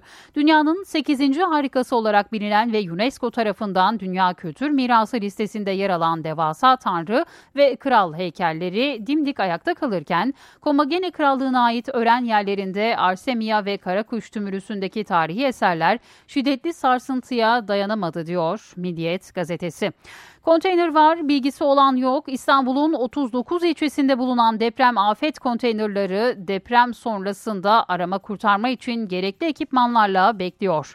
Ancak bu istasyonların anahtarlarının zimmetlendiği kamu görevlileri dışında afet istasyonunun ne olduğu ya da hangi amaçla kullanacağı konusunda bilgi sahibi olan kişisi çok az deniliyor. Milliyet gazetesinin ilk sayfasında yer alıyor bu haberde. Yeni Şafak'la devam ediyoruz. Rönesans böyle yıkıldı, bilirkişi raporu tamamlandı manşetini görüyoruz. Hatay'daki yıkımın simgelerinden biri enkazında yüzlerce kişinin hayatını kaybettiği 250 daireli Rönesans rezidansı. İnşaat mühendisi, mimar, jeoloji mühendisi ve teknikerden oluşan bilirkişi heyeti yıkımın nedenleriyle ilgili ilk raporlarını tamamladı. Rapora göre binaların taşıyıcı sistemi olan kiriş ve kolonlar depremde görevlerini yapmadı. Kiriş ve kolonların birleşim noktaları patladı. Binanın yıkılmayan garaj ve zeminindeki kolonlarda dayanıklı olan prekast yani buhar kürlü beton kullanılmıştı. Ancak üst katlardaki beton düşük kaliteliydi. Kolonda segregasyon tespit edildi. Demirle beton ayrıldı ve arada boşluklar oluştu. Bu beton dökümünün hatalı yapıldığını gösteriyor. Demir filizlerini saran dikdörtgen şeklindeki demir olan etriyelerin aralıkları eşit değildi ve kiriş kolon birleşim noktalarındaki etriyelerin sayısı yetersizdi. Bu nedenle kolon ve kirişler deformasyona uğradı diyor bilirkişi heyetinin raporu da bugün Yeni Şafak gazetesinin manşetinde yer buluyor. Ağır hasarlı bina çöktü bir diğer haber. Şanlıurfa'da depremde ağır hasar gören 6 katlı bina dün çöktü. Yolda yürürken üzerine moloz düşen bir kişi yaralandı. Boşaltılan binada yapılan arama çalışması sonucu enkaz altında kimsenin olmadığı belirlendi. Binada oturan Salih Fidancıoğlu eşyalarımızı ara ara girip çıkarıyorduk. Bina yıkılmadan 15 dakika önce çıkmıştım dedi. Bir diğer haberle devam edelim. Hatıra diye tamir ettiriyorlar. Depremde binlerce araç hasar görünce Gaziantep'teki tamircilerin yoğunluğu arttı. Nuri Büyükler işlerin iki katına çıktığını anlattı. Ali Kayış ise sadece hafif hasarlı araçlara bakabildiklerini söyledi. Kayış, gelen araçların çoğunun sahibi ölmüş. Getirenler ya çocukları ya torunları oluyor. Bazıları hatıra kalsın diye yaptırıyor dedi. Gönüllü ordusu bir diğer başlık Yeni Şafak gazetesinden deprem bölgesinde farklı mesleklerden on binlerce gönüllü var. Sanatçıdan doktora, kaynakçıdan ressam ve sirk sanatçısına herkes depremzedelerin hayatını kolaylaştırmak için çabalıyor. Berberlerin ve çaycıların önünde her daim kuyruk oluyor. Enkaz altından çıkarılan yaralı hayvanlara da gönüllü veterinerler müdahale ediyor diyor Yeni Şafak gazetesi bugün. Postayla devam ediyoruz. Ne gören var ne bilen manşetini görüyoruz. İstanbul'da bir dönem sayıları 2000'i bulan ve şehrin hemen her bölgesine yerleştirilen afet konteynerları hırsızlık, bakımsızlık gibi nedenlerle zamanla yok olup gitti. 505 konteyner kaldı. Onların da ne anahtarlarının yerini bilen var ne de içindekilerin nasıl kullanılacağını diyor Posta gazetesi. Bu haberi bugün manşetine taşıyor. Duvardan düşmeyen tek fotoğraf bir diğer başlık. Hollanda'da doğup büyüyen ve Hatay'daki depremde halası, kuzenleri ve kuzenlerinin çocukları dahil ailesinden 10 kişiyi kaybeden şarkıcı Karsu, halasının yıkılan evinden çarpıcı bir fotoğraf paylaştı. Yıkılan duvarda Atatürk'ün resminin asılı olduğu kareyi paylaşan sanatçı, Karsu köyünde halamın evindeki duvardan düşmeyen tek fotoğraf notunu düştü. Karsu'nun Neredesin Sen şarkısı Hollanda'da 89 milyon dolar toplanan bağış gecesi ekonomisine damga vurmuştu diyor bugün Posta gazetesi. İnternet bu kez kopmadı bir diğer başlık. Kahramanmaraş'taki depremde oturdukları dört katlı binanın ilk katı yıkılınca üçüncü katta mahsur kalan Zeliha Demir'le iki kızı Hülya ve Medine balkon demirine bağladıkları internet kablosunu ip gibi kullanarak kurtuldu. Zeliha Demir o anlar anlatılmıyor çok kötüydü. Ev sarsılırken çocuklarımı aşağı sarkıttım sonra da kendimi sallandırdım. Allah'tan kablo sağlam kopmamış, kopmadı dedi. Bu başlıkta yine Posta gazetesindeydi. 611 bin tahliye 247 tutuklama. Ulaştırma ve Altyapı Bakanı Adil Kara İsmailoğlu, Kahramanmaraş merkezli depremlerin 11 kentteki 14 milyon kişiyi doğrudan etkilediğini söyledi. Bakan Kara İsmailoğlu, bölgeden yapılan 3495 seferle 611 bin depremzedenin tahliye edildiğini kaydetti. Yıkılan binalarla ilgili başlatılan soruşturma kapsamındaysa tutuklananların sayısı 247'ye yükseldi deniliyor bugün Posta gazetesinde. Kurtarıcı melekler bir diğer başlık. Erzurum AFAD Müdürlüğü'nde görevli 6 kadın arama kurtarma teknisyeni depremin vurduğu Hatay'da çok sayıda can kurtardı. Depremden kısa süre önce göreve başlamalarına rağmen erkek meslektaşlarıyla birlikte onlarca yığınlık enkazın altına giren kadınlar verilen ilk görevi başarıyla yerine getirdi diyor. Posta gazetesinde yer alıyor bu haberde. Can kurtaran minibüs bir diğer başlık. Kahramanmaraş Dulkadiroğlu'da depremde bölgede iki katlı bir binanın yıkılmasını altına park edilen bir minibüs önledi. Bina park halindeki minibüsün üzerine oturdu diyor. Posta gazetesi ve o anların fotoğrafına da ilk sayfasından yer veriyor. Cumhuriyet gazetesi aday açıklanacak başlıklı haberi ilk sayfasına taşıyor. İyi Parti Genel Başkanı Akşener'in altılı masadan kalkmasının ardından Millet İttifakı'nın liderleri bugün Saadet Partisi'nin ev sahipliğinde toplanacak. Kemal Kılıçdaroğlu'nun adaylığını ittifakın en yaşlı lideri olduğu gerekçesiyle Temel Karamollaoğlu açıklayacak. Aday tanıtımı ise 10 Mart'tan sonra deniliyor. İyi Parti ikinci tur için yeşil ışık bir diğer başlık.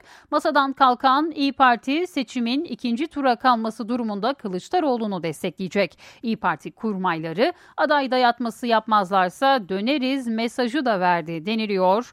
Bugün yine bu haberde Cumhuriyet'in ilk sayfasında yer buluyor. Bir başlığı da aktaralım. Domatesin kilosu 100 lirayı bulabilir. AKP artan gıda enflasyonuna karşı kısıtlamalarla önlem almaya çalışıyor. Domates ihracatına yasak geldi. İhracatçılar üretim düşer, ithalata mahkum kalırız. Bu da fiyatların 100 liraya çıkması demek açıklamasını yaptı diyor Cumhuriyet gazetesi bugün. Evdeki Hesap. Profesör Murat Ferman hafta içi her gün ekonomideki güncel gelişmeleri NTV Radyo dinleyicileri için yorumluyor. Günaydın Sayın Ferman, mikrofon sizde. Zeynep Hanım günaydın, iyi bir gün, iyi yayınlar diliyorum. Yaşadığımız deprem felaketinin üzerinden tam bir ay geçti. Bu çerçevede henüz olayların sıcağında yaşıyor, acımız taze olmaya devam ediyor. Tabii böylesi büyük felaketlerden sonra yapılması gereken ilk işlerden bir tanesi de hasar tespiti. Mevcut durumun tespit edildikten sonra hal ve vaziyet çarelerinin tekrar planlanması, gözden geçirilmesi gerekiyor. Artık acil müdahale safhasını geçmiş durumdayız.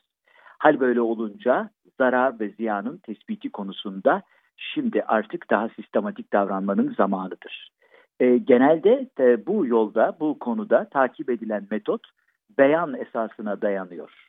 Nitekim depremin etki sahasına giren, depremden etkilenen tüm illerimizdeki vatandaşlarımız örneğin konutları için e, devlete beyanda bulunuyorlar.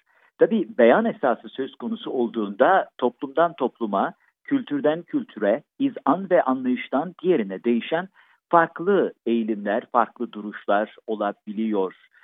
O bakımdan beyana e, itibar etmek ve muteber saymakla beraber, geçerli saymakla beraber hiç şüphesiz sadece beyan üzerinden hareket edecek bir mekanizmada yanlış veya kaynakların hatalı veya e, yanlış kullanılmasına yol açabilecek kanalların önünü açabilir. Tabii buna vaziyet etmemiz gerekiyor. O bakımdan beyanları muteber kabul etmekle beraber bunların mutlaka başka metotlarla sağlanması, kontrol edilmesi, e, literatürdeki tabiriyle çek edilmesi gerekiyor. Aksi takdirde sadece beyana bağlı bir mekanizmanın e, güvenilir, sürdürülebilir sonuçların önünü açabilecek bir mekanizma olmadığını hatırlatmakta fayda var.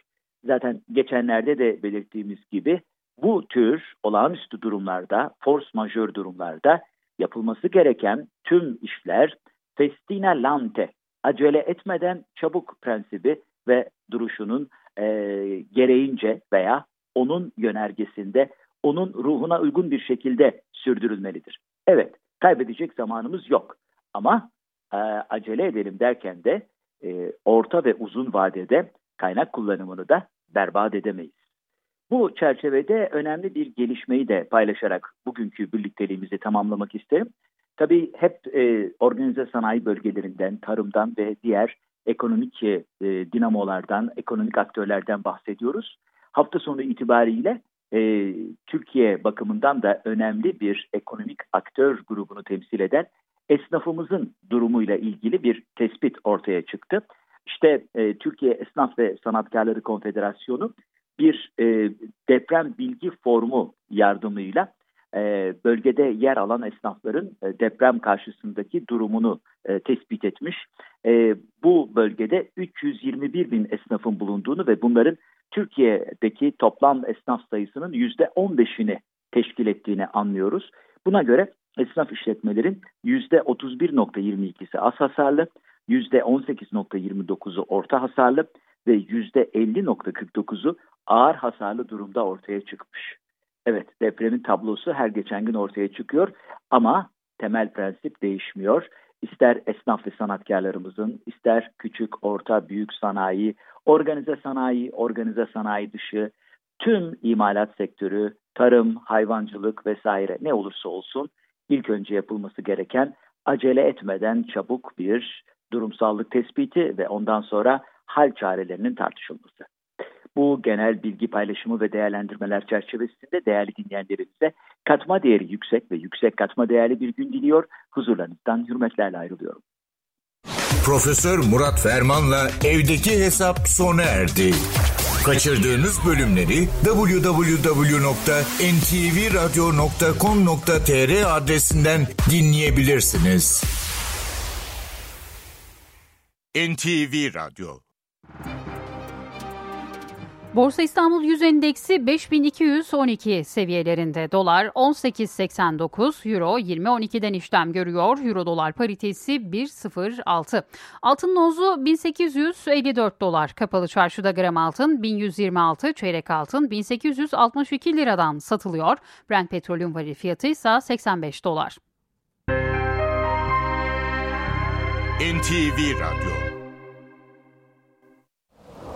Yaratıcılığınızla duvarlarınızı sanat eserine dönüştüren Sandeko Boya hava durumunu sunar.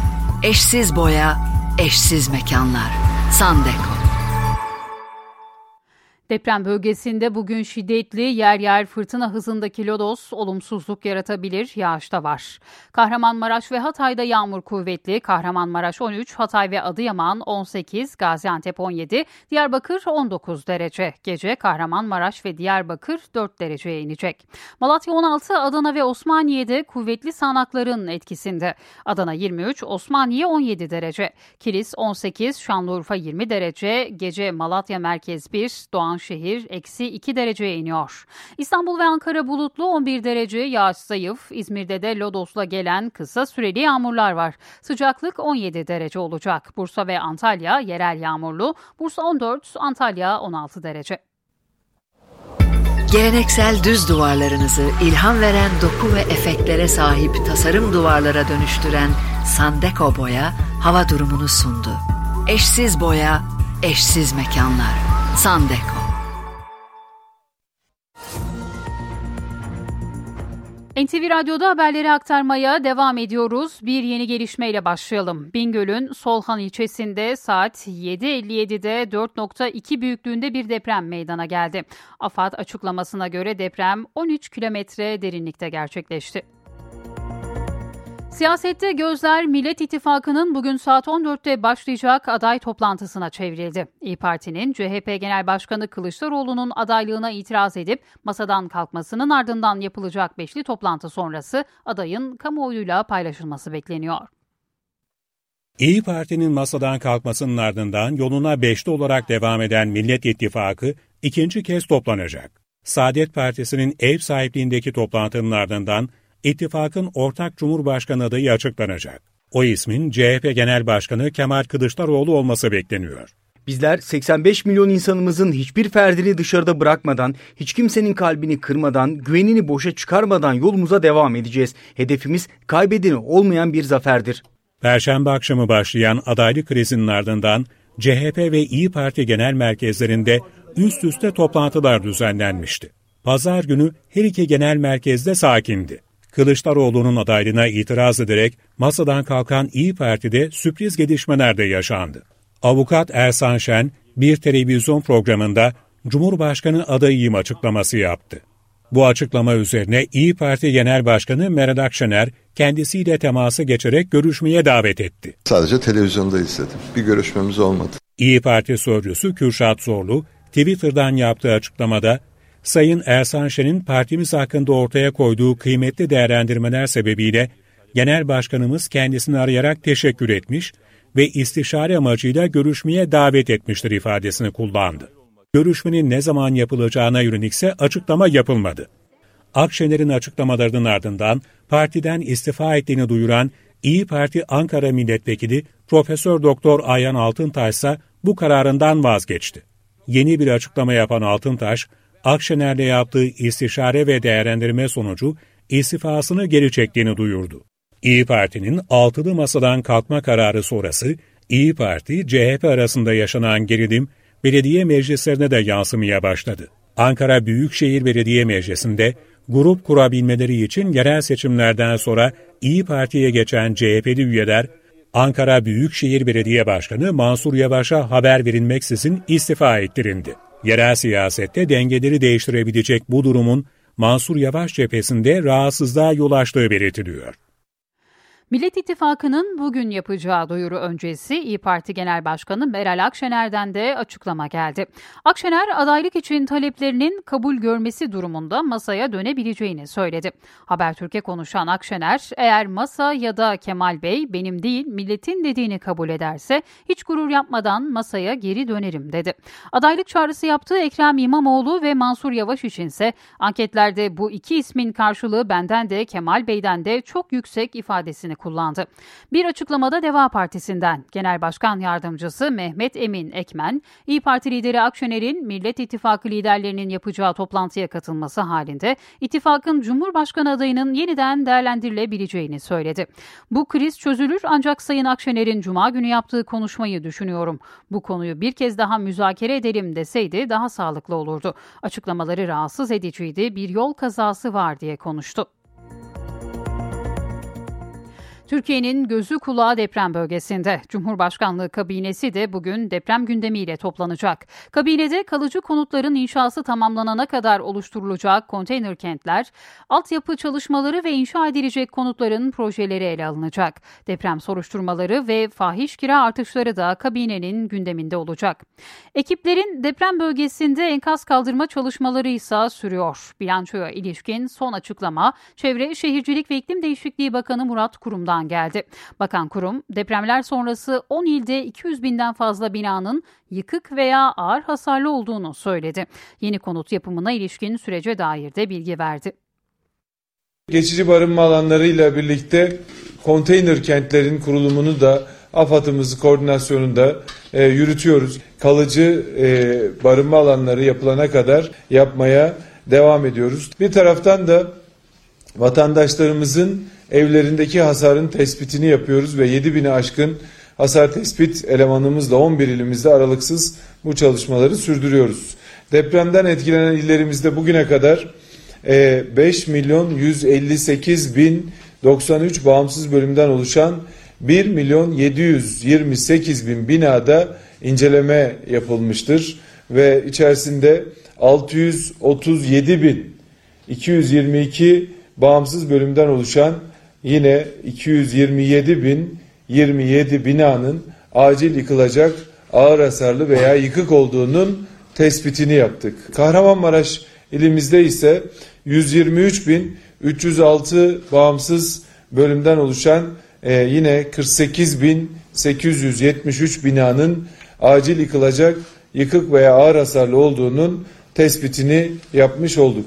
Yeni afet konutlarının e, gerek yerinde yapacağımız doğru zeminde, sağlam zeminde, şehrin büyüme öngörüsüyle, sanayisiyle e, birlikte bir taraftan da rezerv alanlarda inşaat sürecini yürütüyoruz. Bu kapsamda 11 ilde eş zamanlı yapım seferberliğimizi yürütüyoruz. Depremden zarar görmüş yerlerimizde inşaat çalışmalarını başlatıyoruz. Üniversitelerimizle, bilim insanlarımızla, mimarlarımızla, mühendislerimizle birlikte mikro bölgeleme çalışmaları, jeolojik ve jeofizik incelemeler, buradaki zemin etüt çalışmalarını detaylı bir şekilde yapıyoruz. Kahramanmaraş'ımızda da bu kapsamda 88.500 konut ve yine 18.874 köy konutunun inşasını gerçekleştiriyor olacağız. Ee, bu kapsamda bölgenin zemin etütlerine başladık. İnşallah bu ay içerisinde de zemin etüdü tamamlanmış ve sözleşmelerimizi yapılmış yerlerden e, başlayacağız. Önümüzdeki iki ay içerisinde 11 ilimizin tamamında toplamda 244.343 konutumuz yine e, köy evlerimizle beraber 309 bin bağımsız bölümün e, inşa sürecini başlatmış olacağız. AFAD'ımızın koordinasyonunda e, vatandaşlarımıza yeni sanayi yerlerinin yapımı noktasında e, çalışmalarımızı başlatacağız. Şanlıurfa'da Kahramanmaraş merkezli depremlerde ağır hasar gören 6 katlı bir bina çöktü. Ağır hasarlı binanın bulunduğu cadde yaya ve araç trafiğine açık olduğu için büyük panik yaşandı. Peki ağır hasarlı binalar neden hemen yıkılamıyor? Gayrimenkul Hukuku Derneği Başkanı Ali Güvenç Kiraz hukuki süreci anlattığı eksiklere dikkat çekti. Mevcutta e, çok büyük bir alanı etkileyen depremden bahsediyoruz. Dolayısıyla da e, mevcut bakanlık tarafından bu tespitlerin e, çok dikkatlice yapılması gerekiyor. Çünkü az, orta veya ağır hasarın e, niteliğine göre mevcut binaların yıkılıp yıkılmayacağı kararları veriliyor. Bizim imar kanunumuzun 39. maddesi e, metruk yapılar ile yıkıma bir kısmı yıkılmış veya ağır hasar görmüş yapıların öncelikle e, insanlardan arındırılmasını, daha sonrasında da e, belli bir süre yani malikler tarafından yıktırılmasını, yık, onlar yıkmıyorsa da bizzat idare tarafından yıkılmasını emreder. Dolayısıyla da e, bu tür tespitleri yapılmış yapılar açısından e, belki de idare bu anlamda çok hızlı hareket edebilir. Yani bu anlamda bahsettiğim İmar Kanunu 39. madde aslında belediye başkanlarımıza bu, an, bu kapsamda önemli bir yetki veriyor.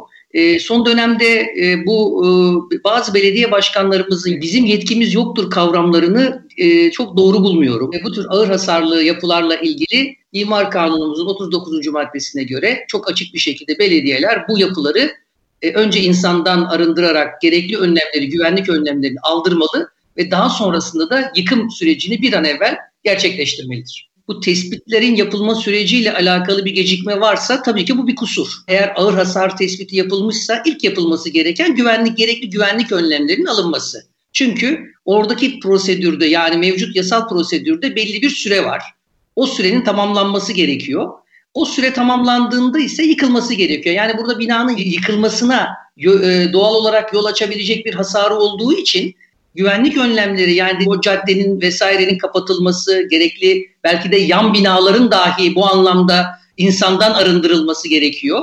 Ee, tabii ki mevcut kanun çerçevesinde yani İmar Kanunu 30, 39. madde kapsamında belediye hemen mühürleyip insandan arındırıp gerekli güvenlik önlemlerini aldıktan sonra da yıkımı sağlayabilir. İnsan canı mı e, yoksa oradaki trafik akışı mı veya oradaki hayatın devam etmesi çabası mı? Nihayetinde öncelik insan canı olmak zorunda, insan güvenliği olmak zorunda ve binanın yıkılma meyline göre nereye yıkılacağı eğer çok e, uzak bir mesafe değilse trafiğin belli bir akışı farklı bir noktadan verilebilir. Dolayısıyla yani bu deprem çerçevesi yapılması gereken en önemli şey bu. Deprem bölgelerinde özellikle de Hatay'da şebeke suyunda sıkıntı halen sürüyor. Bölgedeki koordinatör Vali Okay Memiş, gönderilen su yardımı azalsa da Hatay'da içme suyuyla ilgili sorun bulunmamakta dedi. Efendim yaklaşık e, biz mesela dün itibariyle 1 milyon 200 bin şişe su dağıttık. 24 e, tır. Bugün en az 30 tır su dağıtacağız. Yüklemeleri görüyorsunuz. Her gün bu sevkiyatlarımız devam ediyor, devam da edecek. E, içme suyunun kullanımıyla ilgili e, e, eğer sorun varsa o sorun da giderildiğinde daha da bir rahatlama olacağını düşünüyoruz. Hatay o anlamda da çok e, şey değil yani e, e, içme suyu kaynakları açısından da e, e, yeterli bir il olduğunu biliyoruz. Biz aslında buraya dışarıdan geldik. Koordinatör vali olarak görev yapıyoruz ama Hatay valimiz de her gün katıldığı toplantıda e, bizleri yönlendiriyor. Sayın bakanlarımız bizleri yönlendiriyor. E, 5600 tır insani yardım malzemesi geldi şu ana kadar. Bu az bir rakam değil. Bunların hepsini e, biz afetzedelerle buluşturduk. Bize göre e, Hatay'da içme suyuyla ilgili herhangi bir sorun bulunmamaktadır. Yaklaşık 2 milyon insanın ihtiyaçları değişik olabiliyor. Yani bir vatandaşınız bir şeye ulaşamayıp da işte bunu e, gündeme getirdiğinde e, e, haber değeri taşıyor. Bundan dolayı da bir şey yani bir bunu bir olumlu açıdan bakıyoruz. Yani böylece yani Hatay'a yönelik bir su sevkiyatında bir artış oldu. Yani olaya iyi yönden bakalım. Bu yönde haber yapanların umarım iyi yönde bize faydası olur diye düşünüyoruz. İlk başlarda yaklaşık 200 tır e, yardım e, malzemesi geliyordu. Bugünlerde e, 50'lere kadar geriledi ama ona rağmen yardımlar devam ediyor. E, biz vatandaşlarımızın göndermiş olduğu bu yardımları e, e, gecikmeksizin depremden etkilenen kardeşlerimize ulaştırmanın büyük çabası içerisindeyiz. Eksiklerimiz varsa da esnek bir süreç gidermek bizim görevimiz zaten. Deprem felaketinin ardından binlerce kişi enkaz altından yaralı kurtuldu. Ancak birçoğu ezilmeler nedeniyle uzuvlarını kaybetti. Uzmanlar önümüzdeki aylarda protez ihtiyacının daha fazla artacağını söylüyor. Kimi kolunu kaybetti, kimi bacağını. Uzmanlar deprem bölgesinde ciddi miktarda protez ihtiyacı olacağını vurguluyor. Kırıklar oluşabilmekte, kafa travmaları oluşabilmekte veyahut da uzuv e, ezilmeleri sonrası ortaya çıkan amputasyonlarla karşımıza çıkabilmektedir. Dolayısıyla önümüzde yepyeni bir hasta grubumuz vardır. İlk dönemde barınma, yeme, içme, güvenlik varken kronik dönemde ise bu insanların ihtiyacı olan ortezler ve protezler e, söz konusudur. İlk cerrahi müdahale yapıldıktan sonra kısa süre e, bu yara bakım düzeyleri iyileştikten sonra biz bu uzuvları proteze hazırlama sürecine giriyoruz. İlk planda eklemleri koruma e, düşüncesindeyiz ve beraberinde de kas güçlendirme sistemine gidiyoruz. Protezler özel ölçü ve ihtiyaçlara göre hazırlanıyor. Bu nedenle bazı protezlerin fiyatı binlerce lirayı bulabiliyor o kadar farklı bir e, yelpazede protezler ve ortezler var ki bunu mutlaka kişiye özel değerlendirmeli.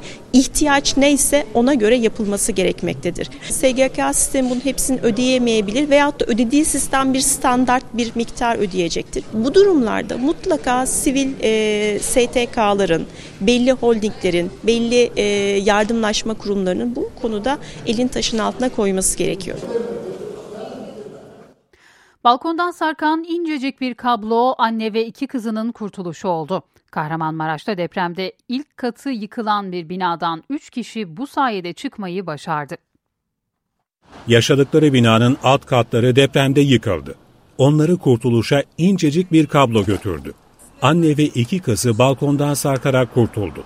Bu internet kablosuyla indirmiş çocuklarımı eşim. Sallandırmış aşağıya. Kahramanmaraş'ta Zeliha Demir de kızları Hülya ve Medine Demir'in oturduğu dört katlı binanın ilk katı depremde yıkıldı. Binadan sesler geliyor, çatlaklar büyüyordu. Anne ve kızları hemen üçüncü kattaki evlerinin balkonuna çıktı. Bir an atlamayı düşündüler. Ancak çok yüksekti. Anne Zeliha Demir o sırada balkondan sarkan internet kablosunu fark etti.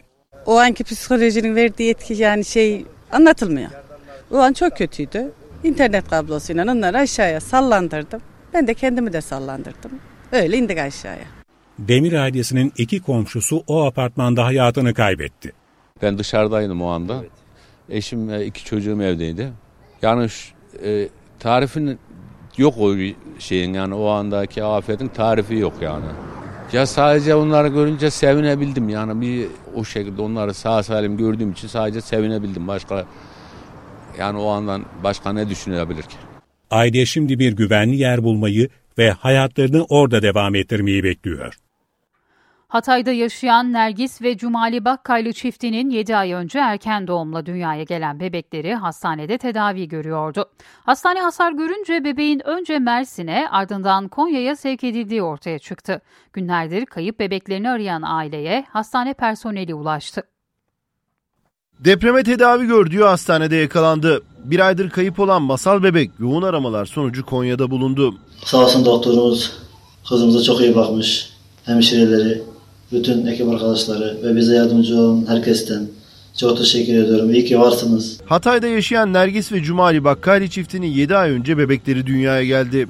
Ancak masal ismini verdikleri bebeğin erken doğum nedeniyle beyninde kanama vardı. Bu nedenle Antakya'da hastanede beyin cerrahisi bölümünde tedavi görüyordu. 4 kiloya ulaşan masal bebek sağlığına kavuşmuştu. Taburcu aşamasına geldiği sırada deprem felaketi meydana geldi. Minik Masal hasar gören hastaneden önce Mersin Şehir Hastanesi'ne ardından Konya Selçuk Üniversitesi Tıp Fakültesi Hastanesi'ne kaldırıldı. Ancak bu aşamada Bakkali çifti kızlarının izini kaybetti. Günlerce aramalarına rağmen bebeklerine ulaşamadı. Çok sıkıntı yaşadık. Kızımdan haber alamadık. Bizim madde durumumuz olmadığı için eşim çalışıyordu. Bir, bir hafta kaldı orada. Ondan sonra geriye geldi. Çok şükür şu an kızımı bulduk. Herkesten çok çok teşekkür ediyorum. Zor bir durum gerçekten. Ee, kızımın haber alamamak, işte e, madurundan zor günler yaşamak, e, sıkıntılar yaşamak, bir şey yapmamak, elden bir şey gelmeyince de herkesten çok teşekkür ediyorum. İyi ki varsınız. Yıkımın büyük felakete yol açtığı Kahramanmaraş'ta binaların enkazı altında kalan çok sayıda araç kullanılamaz hale geldi.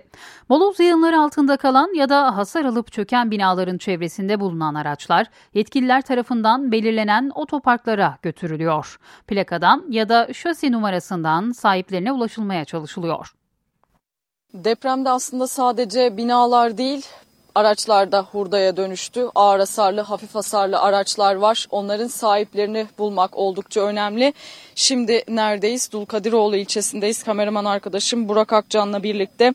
Ee, burada e, Büyükşehir Belediyesi'nin asfalt üretim tesisi aslında burası ama depremden sonra işte araçların hurdaya dönmesi sonucu İl Emniyet Müdürlüğü ekipleri tarafından bütün araçlar şehir merkezindeki tüm araçlar toplandı ve güvenli e, bir bölgeye yani bu noktaya taşındı. Ekipler 7-24 nöbetteler. Çünkü herhangi bir yağmacılığa ve hırsızlığa karşı önlem almak durumundalar ve bu anlamda da 7-24 emniyet ekipleri görevde hem trafik şubeden hem de oto hırsızlıktan e, gelen e, polis ekipleri araçların özellikle şase ve plaka numaralarını gelip gün içinde kaydediyorlar ve e, özellikle aslında depremin yaşandığı saatler sonrasında yani o ilk günler e, araçlarını teslim almaya gelen e, depremzedeler vardı ama şu anda depremzede görmek mümkün değil aslında. Tüm araçlar neredeyse sahipsiz, çoğu sahipsiz araçlar olduğunu söyleyebiliriz. Sahipli araçları ise e, depremzedeler almaya geliyor ama e, bunun öncesinde özellikle trafik tescilden bir belge almaları gerekiyor araç sahiplerinin.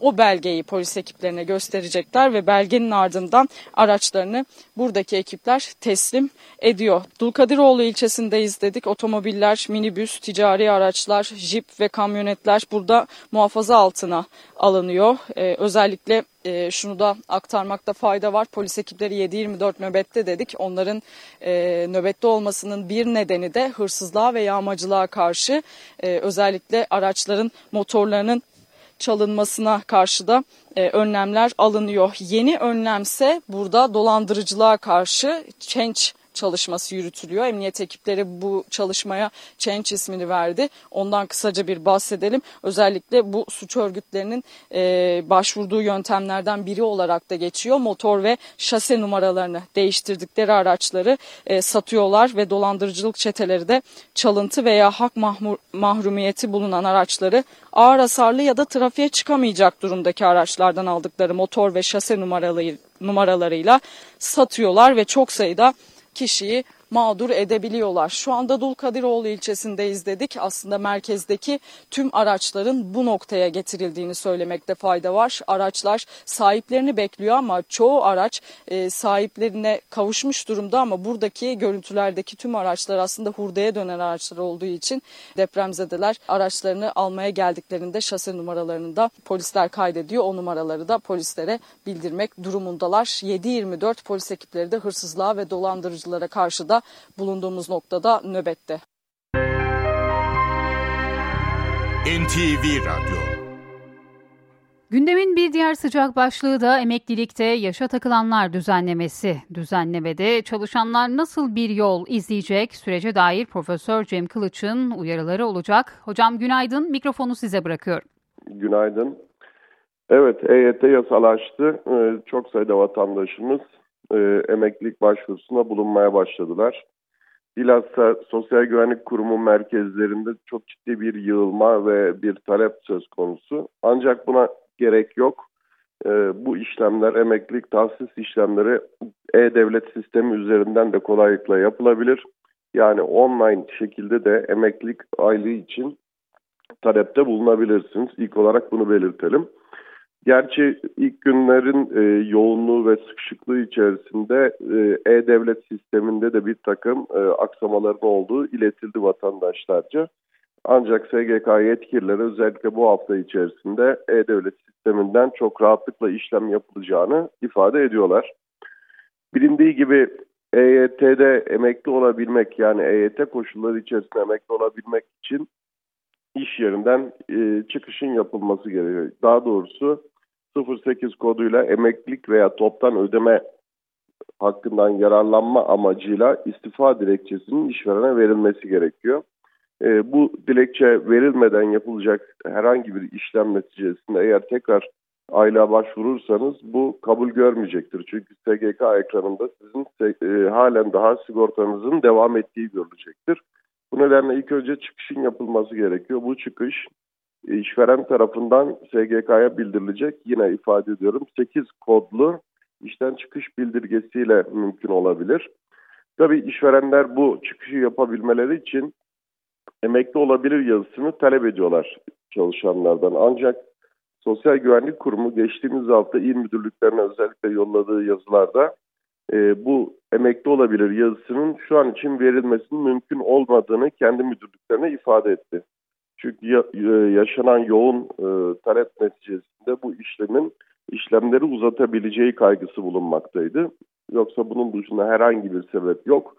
E, ve özellikle talepte bulunanların çalışma hayatım sekmesinde yer alan e, E-Devlet'te yine yer alan e, bütün çalışma sürelerini gösterir belgeyi alıp işverene vermelerinin doğru olacağını ifade etmişlerdi. Ancak e, son e, bir, birkaç gündür gelen haberler e, şu yönde işverenler buna itibar etmiyorlar. Özellikle emekli olabilir yazısını istiyorlar. Çünkü işin sonucunda bir kıdem tazminatı ödemesi var.